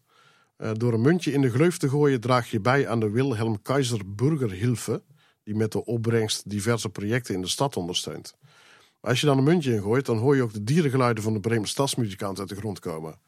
En in de deksel staat de tekst: Het kruinig, jolnig, knoernig, zeg ia door wat rin in Bremerlog. Klinkt bijna Nederlands. Bijna wel. Deze heb ik dus eh, wel gezien, niet bewust. En ik heb me ook afgevraagd waarom het daar zo druk was, maar nu is het verhaal wel duidelijk. Ja. Ah, kijk, heb je hem toch gezien? Overigens overigens ook niet zo gek dat het bijna Nederlands eh, klinkt. Want ik hoorde toevallig vandaag in de grote podcast las over Overijssel dat er een, een, eh, een dialectgroep is, het Neder-Saxisch. En dat bestaat uit allerlei dialecten in het oosten van Nederland, maar ook in het, in het noorden van Duitsland. Dus wie weet dat het daarom een beetje Nederlands klinkt. Dat zou zomaar kunnen. Nou, Carlo, jij vertelde net dat jullie ook nog een aantal eh, extra dingen hebben meegepikt hè, op de route heen en terug. We hadden er ook nog eentje. Ehm, dat was ook wel een, de verrassing, misschien of een verrassing van het geheel. Ehm, positief en negatief trouwens. Oh, Maar dat was eh Pannerbora Park. Ik denk dat het zo moet uitspreken. Eh, die was prima mee te pikken vanuit Nederland als je richting de start van de route rijdt, denk ik. Als je dus in het zuiden begint. Deze kwamen toevallig tegen op Google Maps, want we wilden op de terugweg nog iets doen. Eh moesten er wel iets voor omrijden, maar dat was op zich wel eh, de moeite. Maar de verwachtingen waren misschien een beetje scheef. Want als je dit van tevoren bekijkt, dan, eh, ja, dan zie je een redelijk uitgestrekt park. En met daarbij ehm, eh, één highlight. Nou, laten we daar dan misschien meteen naartoe gaan. Er was namelijk een boomkroonpad van eh, 1600 meter lang. Met een hoop educatieve elementen en zo. Maar die start en eindigt in een enorme houten toren van 34 meter hoog. die met zo'n grote ronde trap helemaal naar een uitkijkplatform loopt. Eh, maar dat ligt dus op de hoek van het totale gebied. Dus wij dachten, oh, de rest zal ook gevuld zijn met alle interessante dingen. Weet je wel, zit een bezoekerscentrum bij en zo. En eh, een grote speeltuin. En allerlei andere plukjes interessante dingen zo te zien waren op eh, Google Maps. Maar dat was in de praktijk dan niet zo heel interessant. Want ik las iets over een Aziatisch dorp, Afrikaans dorp. Ik denk, nou, dat is vet, kun je maar rondwalen. Maar dat was dus niet echt eh, het geval. Want ja, het, hele, het hele complex, dus het hele eh, Panabora Park, is dus eigenlijk een soort ecopark. Ehm, zonder dat ze er al te veel uitleggen. Waar vooral verblijven een belangrijk eh, element van is. En al die dorpjes, dus het Aziatisch dorp, het Afrikaanse dorp, het Zuid-Amerikaanse dorp, maar ook nog de boomhutten, was dus allemaal verblijf. Dus daar kun je helemaal Oh. niet doorheen dwalen. Je kon daar dan in een boogje omheen lopen. En als je daar niet verbleef, kon je er eigenlijk niks, eh, had je er eigenlijk niks te zoeken. En dat was bijvoorbeeld ook een groot doolhof. Dat was ook een van de redenen, want daar was ik eigenlijk naar op zoek naar gewoon een leuk doolhof om te doen. Want dat was in Denemarken goed bevallen. maar, maar dat was gewoon eh, helemaal uitgestorven, hingen geen bladeren aan. Dat lagen, er waren allemaal gaten ingevallen en zo. Oh, het daar kwam volgens mij- ergens van. Het kwam volgens mij ook niet heel veel Ja, hoger. We zouden het niet over de Efteling hebben, maar toch... eh, Het kwam volgens mij ook niet heel veel hoger dan eh, 1,20 meter of zo. Dus dat was echt eh, een dikke flater. volgend jaar ligt er een waterspeeltuin. dat denk ik, ja. Ja, dat zou zomaar Zonder kunnen. water. Ehm, en blijkbaar is er overigens wel nog een vlonderpad door een moerasachtig gebied. En een blote voetenpad, maar die hebben we alle twee niet gezien. En het was qua weer niet echt eh, de moeite, denk ik. Maar het boomkroonpad en die toren, die waren al echt de moeite. Samen met het bezoekerscentrum en het restaurant en zo wat erin zat. En de speeltuin die er was. Dus we hebben daar ons prima een, een uurtje of drie, vier van gemaakt. Ja, dit was wel, eh, was wel echt heel tof. Je moet wel echt gewoon weten waar je naartoe gaat als je hierheen gaat. Maar als je er met de juiste verwachtingen heen gaat, dan is het eh, wel een aanrader. Ja. Maar het, boomkroonpad zelf heb je je wel goed vermaakt, Paul. Ja, ja, dan was het wel zo. We waren zo'n herfstvakantie en dit was al helemaal in de Halloween-sferen. Ja. Dus er hing echt allemaal mega El Chivo aankleding. Want dan s'avonds was dat best spannend, denk ik. Dat kan ik me best voorstellen, zeker met de wel juiste verlichting erbij.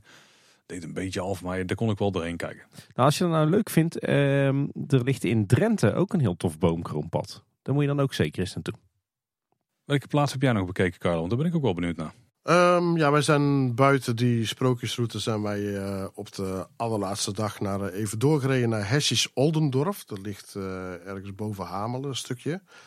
Er was volgens mijn informatie een waterval van 15 meter hoog te vinden in een bosgebied. Dus dat, de lange Velder Waterval leek ons wel heel interessant.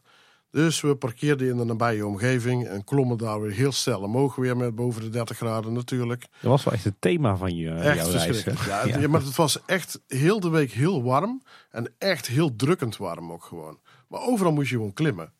Dus eh, dat, hebben, ja, dat hebben we wel gevoeld, ja. Maar we gingen gewoon door. Eh, we gingen dus de verlaten bossen in. Flix uit omhoog geklommen. Alleen we hoorden nergens water. En op een gegeven moment stonden we op de plek. En maar ja, vanwege de droogte de afgelopen jaren stond alles droog. Dus eh, geen waterval voor ons. Maar achteraf, ik zag het op de foto's naar de rand. Het was, het was een of ander eh zijkstraaltje naast een huis naar beneden. Dus dat was niet echt interessant geweest. Eh, wat iets interessanter was, was Langenveld. Dat lag daar vlakbij. Eh daar zijn we op zoek gegaan naar de Schilathullen.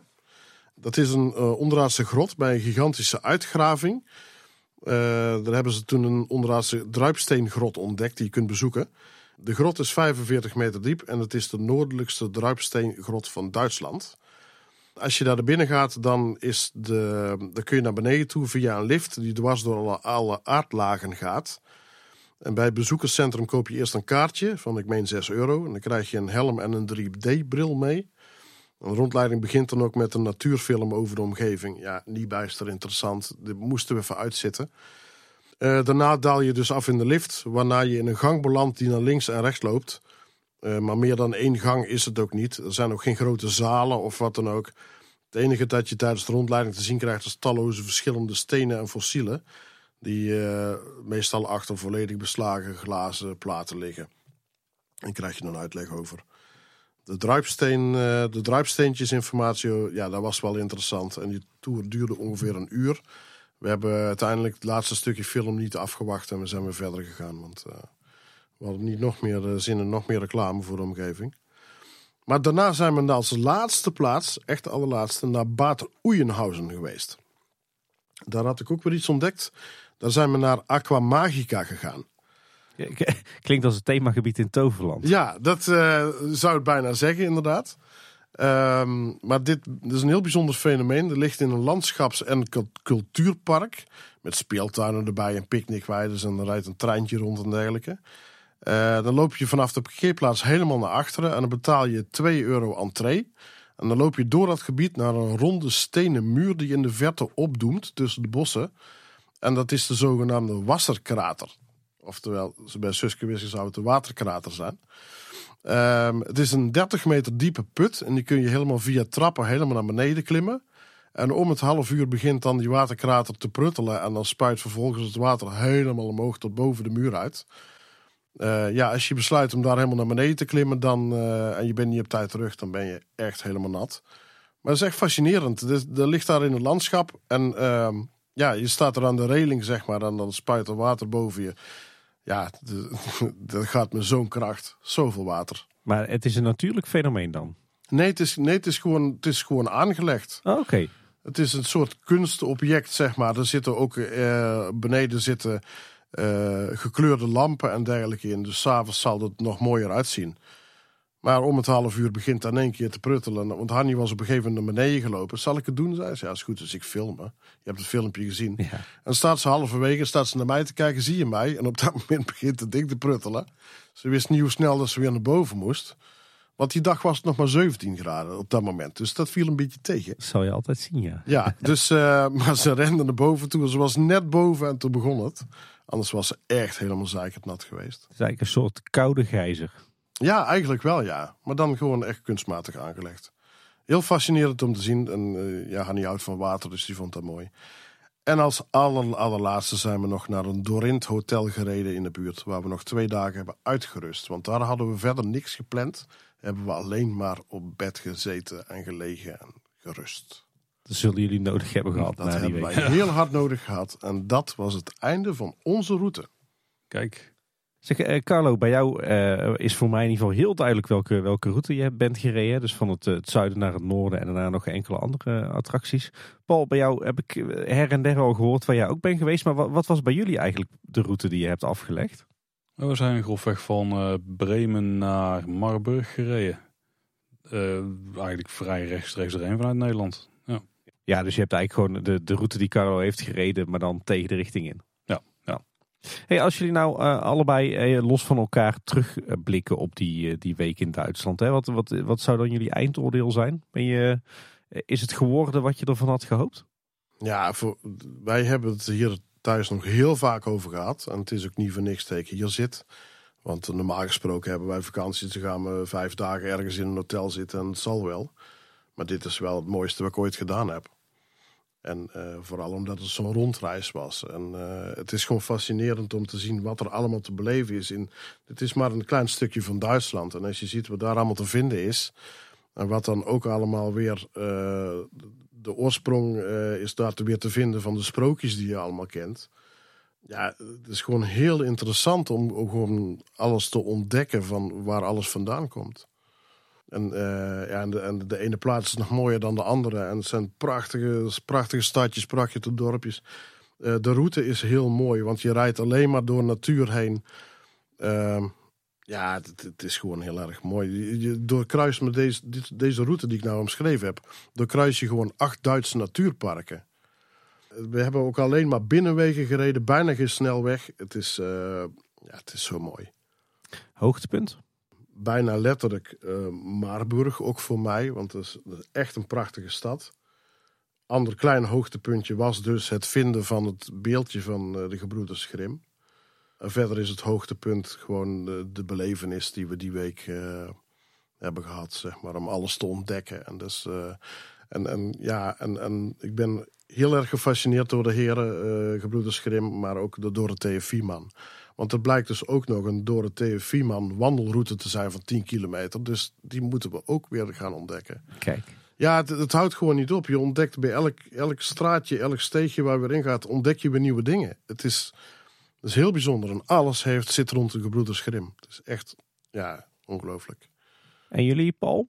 Ja, een hele goede vakantie gehad. Ehm, zeker met de kinderen, want die, die sprookjes, zeg maar, het zijn dorpen en steden die zouden normaal gesproken wel bezoeken. Maar het feit dat er steeds een sprookjeselement te ontdekken is, maakt het voor de kinderen nogal motiverend om er dan ook eh, in mee te gaan, eh, zeg maar.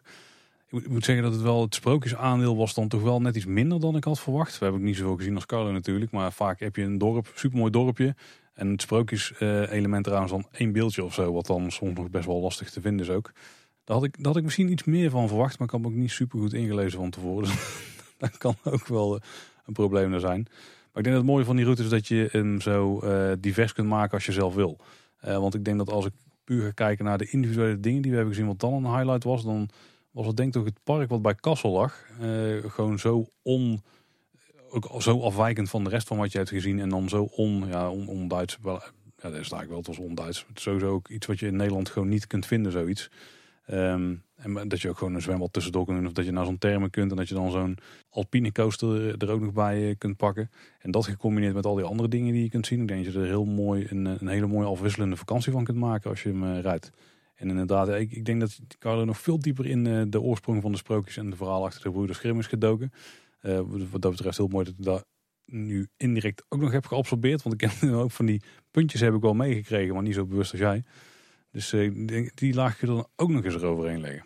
Ja, ik heb van tevoren bewust echt die plaatsen en, en ook op Google Maps de parkeerplaatsen die ik moest hebben. Waar moet ik lopen? Ik heb echt alles uit zitten zoeken. Eh, zoals ik in het begin al zei, wij hebben er gewoon een mega XXL autospeurtocht van gemaakt. Want we wilden gewoon alles zien. En eh, we hebben nog meer gezien dan dat we dachten dat er was. En ondertussen ook nog zoveel gemist wat we niet gezien hebben. Eh, wat er achteraf ook nog bleek te zijn. Dus ja, heel veel te ontdekken. En daarover gesproken, stel uh, onze luisteraars willen ook een keer de, een deel of de volledige Mergenstraße doen. Hebben jullie zo nog wat, praktische tips? Waar moeten onze luisteraars uh, aan denken? Nou, de tips die ik heb is in ieder geval, uh, ga of met de camper. Zoals, maar als je geen camper hebt, je wilt met de auto, neem vooral meerdere hotels. En ga op die manier de route af. want als je één hotel pakt bij Kassel of verder, dan moet je elke keer weer heen en terug. En je, je verliest zoveel tijd dan heb je elke keer dezelfde omgeving. Er is zoveel te ontdekken. Dus neem vooral een route met elke keer nieuwe, uh, nieuwe hotels een eindje verderop. Tip 2 is neem de tijd. Um, trek hier, als je echt alles wilt zien, ook de musea, trek hier minstens een dag of tien vooruit. Het is echt, uh, echt bizar wat er allemaal te zien is. En dan kun je ook alles op je gemak doen. Kun je ergens rustig zitten eten, uh, iets drinken of wat dan ook. Want hou er rekening mee. We hebben dus in die dagen inderdaad tussen de 1500 en 2000 kilometer gereden op binnenwegen. Dus het is echt wel, uh, hou daar rekening mee. Um, andere leuke tips misschien ook wel. Um, nou, parkeergeld. We zijn uiteindelijk maar 10, 15 euro waren we kwijt. Als je het goed doet en je houdt de tips van mij aan. Dat is echt prima te doen. En uh, heel veel plaatsen, dat is misschien ook wel veel leuk om te weten, uh, hebben openbare toiletten. Wat wij in Nederland bijna niet hebben. Dat is daar bijna overal wel. En meestal zitten die in het VVV-kantoor of in het raadhuis. En die zijn schoon, die zijn netjes. Er staat ook gewoon een zeepompje wat niet meegejat wordt. Dat, ja, het is allemaal netjes. Dus bijna overal kun je gewoon openbaar naar toilet. En verder, ja, uh, ga vooral, wijk ook heel vaak van de route af. Er zijn zoveel mooie plaatsen, bossen, natuur, uh, kastelen, burchten, overal waar je kijkt. Het is gewoon prachtig daar. En ik heb dan denk ik nog een planningstip. Al heb ik dit niet tot in detail uitgezocht, maar we waren dus in de late herfst. En het viel me op dat er heel veel aan musea al dicht was of parkjes die je kunt bezoeken. Uh, of ze zijn maar twee tot drie dagen in de week open. Um, dan moet je toch wel echt een uniek goede planner zijn als je dan het maximale uit je reis wil halen. Dus ik denk dat de beste periode echt wel zo rondom uh, de, de zomervakantie is. Plus een minus een maand denk ik. Uh, misschien dat het, de, de, lente, de late lente ook nog prima gaat. Maar de late herfst was eigenlijk al te laat om hier echt het maximale uit te halen denk ik. Ja, maar echt midden in de zomervakantie is er ook wel heel veel dicht. er zijn gewoon heel veel van die, van die sprookjeshuizen en dergelijke... die alleen maar in het weekend open zijn, twee uurtjes of zo. En dat is misschien ook wel gewoon het hele jaar door. Ja, ja en, en heel veel dingen zijn maar van mei tot oktober of zo. Dus je moet echt heel goed plannen. Alleen om alles te willen zien, dat, dat is onmogelijk te plannen. Want alles valt dan toch tegelijk en het gebied is zo groot. Misschien is juni dan het beste moment om te gaan? Misschien wel, ja. ja. ja. Qua planning is het bijna een Orlando-trip. Ja. Ja. Bijna wel, misschien ja. En jij zei net als tip al, uh, Carlo, je moet ook zeker niet op alleen de route blijven zoals hij voorgeschreven staat. Waar ik er ook zeker vanaf. Er zijn namelijk echt enorm veel mooie plekken er in de buurt te bekijken. Maar er is ook nog veel meer uh, gewoon qua leisure te doen. Dus er zijn ook uh, kleine attractieparkjes, kleine dierenparkjes. als je iets verder wil afwijken van de route, ook nog wat grotere zelfs. En als je heel ver naar het zuiden doorrijdt, dan kun je bijvoorbeeld, nou had ik nog bedacht namelijk op mijn route, kun je nog naar uh, Tripsdrill gaan. Maar dat bleek toch wel heel ver naar het zuiden te zijn. dus uiteindelijk niet meegenomen. Dus ik denk voor ieder wat wils hier. Ja, en vooral, houd vooral rekening mee dat er geen route uitgestippeld staat. Alles ligt wel op een bepaalde route, maar uh, plan vooral je eigen route. Nergens staan er bordjes of route aangegeven. Je moet het echt hebben van je voorbereidingen. En uh, misschien dat deze, dit verhaal van ons uh, vandaag uh, daar een heel flinke steen aan bijdraagt. Ja, dat zou zo kunnen. Absoluut, waarvoor grote complimenten Carlo en ontzettend veel dank. Want we hadden dit absoluut niet beter dan, dan jij kunnen doen. Nou ja, heel graag gedaan. Ik vertel graag mijn verhaal hierover. We gooien in de show notes nog een paar linkjes die relevant zijn voor deze aflevering. Misschien als startpunt voor je reis. Ik denk dat, uh, dat Carlo en ik daar nog wel wat voor op en neer gaan, mailen, inderdaad. Zeg, dan zijn we bijna aan het, het einde gekomen van deze aflevering van De Buitenwereld. Maar zoals dan tegenwoordig ook een beetje uh, toch wel standaard is in deze podcast, is dat we ook nog heel kort vooruit gaan blikken. Nou, dit was dus voor jou, Carlo, de zomervakantie in 2022. voor jou, Paul, de herfstvakantie van 2022. Met kerst zijn we volgens mij allebei thuis gebleven. Maar wat, wat hebben we voor plannen voor 2023? Wel even de kanttekening dat tegen de tijd dat deze aflevering uitkomt, dat we dan misschien al een paar keer op vakantie zijn geweest. Maar toch, ik ben wel even benieuwd.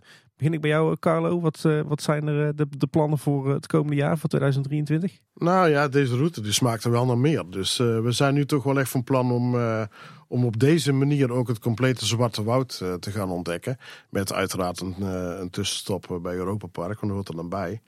En ehm, we hadden ook al bedacht om, eh, om de route van Hans Christian Andersen een keer te gaan, eh, gaan uitpluizen. Om een keer naar Denemarken te rijden, maar dan wel via Bremen. Want daar zijn we nog niet geweest. Ja, en het jaar daarna, eh, of daartussendoor een keer. Wij komen hier zeker terug op bepaalde plekken. Want er is nog heel veel te ontdekken. Dus dat zijn eigenlijk de plannen, want dit bevalt ons verder prima. Dus ik denk dat het dat wel gaat worden. Alle reizen hebben duidelijk een sprookjesthema, hoor ik daarin doorklinken. Ja, dat is nu wel ontstaan, ja. ja. Ja, wij hebben vrij onconcrete plannen, maar het lijkt erop dat we in de dat we in ieder geval nog naar Oost-Duitsland gaan en dan een stukje Polen en Tsjechië meepikken. En we willen nog naar Noorwegen met die nieuwe uh, bootverbinding die er vanaf uh, Groningen ligt. Noorwegen is sowieso vet, hè? Dat is prima. We hebben het hele zuidelijk deel daarvan nog niet ontdekt. En dat gaan we dan doen. Is het plan, maar dat kan nog allemaal wijzigen. En jij Tim? Ja, we gaan uh, ergens begin, begin 2023 een week naar Londen. Waarschijnlijk met, al geweest tegen de tijd dat je deze aflevering hoort. Denk het wel. En dan weten, weten de luisteraars waarschijnlijk ook wel waar de eerstvolgende aflevering van de buitenwereld over zal gaan. Die zal over Londen gaan. Nee, we gaan met de Eurostar met de trein naar Londen.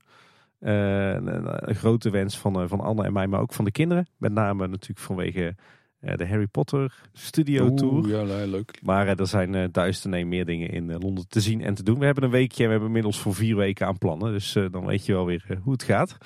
En van de zomer, ja, we hadden allerlei spannende voornemens. Uh, een trip naar de Kanaaleilanden. Uh, in het kanaal tussen Frankrijk en, en, Engeland. Of een roadtrip in Zweden. Maar dat is het uiteindelijk allebei niet geworden. Met toch wat, wat praktische bezwaren en dingen waar we tegenaan liepen. Maar goed, daar zullen we het op een later moment nog wel over hebben. Maar wij zijn uiteindelijk toch weer een beetje, ja, toch weer in onze vaste basis beland. En we gaan van de zomer naar Helsinki in combinatie met Tallinn. De hoofdstad van, van Estland. Met een boot ertussen dan? Hè? Ja, inderdaad. We gaan, we gaan toch proberen om te vliegen. Uh, in de hoop dat het uh, wat beter is op Schiphol. Het is, niet en... vaak, het is niet snel minder dan met de trein, denk ik. nee, nou ja, goed. alles heeft zo zijn, zijn voor's en zijn tegens, zullen we maar zeggen. En inderdaad, tussen Helsinki en Tallinn pakken we de boot. Dus ik ben heel benieuwd. Helsinki hebben we al eerder gezien. uitgebreid, daar gaan we nu kort terug naartoe voor wat, wat highlights. En de focus zal vooral liggen op, op Tallinn. En dat wordt de eerste keer Baltische Staten voor ons. Dus ik ben heel benieuwd. Cultuurschok, misschien lichtelijk. het schijnt toch alweer redelijk westers te zijn. Dus nou, ben benieuwd. In ieder geval nog genoeg om over te praten de komende maanden in de podcast De Buitenwereld. En Carlo, nogmaals bedankt dat je wilde aanschuiven en jouw ervaringen met ons wilde delen. Heel graag gedaan. Als mensen nou online nog meer van jou willen vinden, of misschien de dingen waar je online mee bezig bent, waar kunnen ze dan het beste terecht? Uh, ja, in principe gewoon op de site van de Vijf Zintuigen. Want daar staan al onze evenementen op. En uh, uiteraard zijn we dus, zoals gezegd, al uh, nog bezig met de documentaire van de Spookslot. Die later dit jaar zal gaan verschijnen. En op 29 oktober staat de tweede Efteling en Antropiek Verzamelbeurs in Drunen weer op de planning. Dus, en die blijkt nog groter te worden dan de vorige. Dus hou dat vooral in de gaten. Goeie teaser. Ik heb het vermoeden dat we met onze andere podcast Kleine Boodschap dat we wel weer eens om tafel zouden kunnen gaan zitten rondom uh, die docu over het spookslot. Mm, ik denk dat er heel veel over te vertellen is, ja. Kijk, en waar kan dat nou beter dan uh, hier in de Kleine Boodschapstudio? Dat dacht ik. Ja, want dit is natuurlijk wel de buitenwereld, maar onze hoofdpodcast is Kleine Boodschap. En als je contact met ons wil zoeken, dan kan dat ook het beste via die podcast. Want daar hebben we tenminste wel allemaal social media kanalen voor opgezet en zo. Ja, om dat voor twee podcasts te doen, dat uh, was een beetje te veel van het goede. Nee, dat is lastig, want alle afleveringen van de buitenwereld die vind je ook op kleineboodschap.com. Maar dan op eh, de, de buitenwereldpagina die je daar kunt vinden. En als je naar kleineboodschap.com slash volgen gaat, vind je alle social media kanalen waar wij dan te vinden zijn.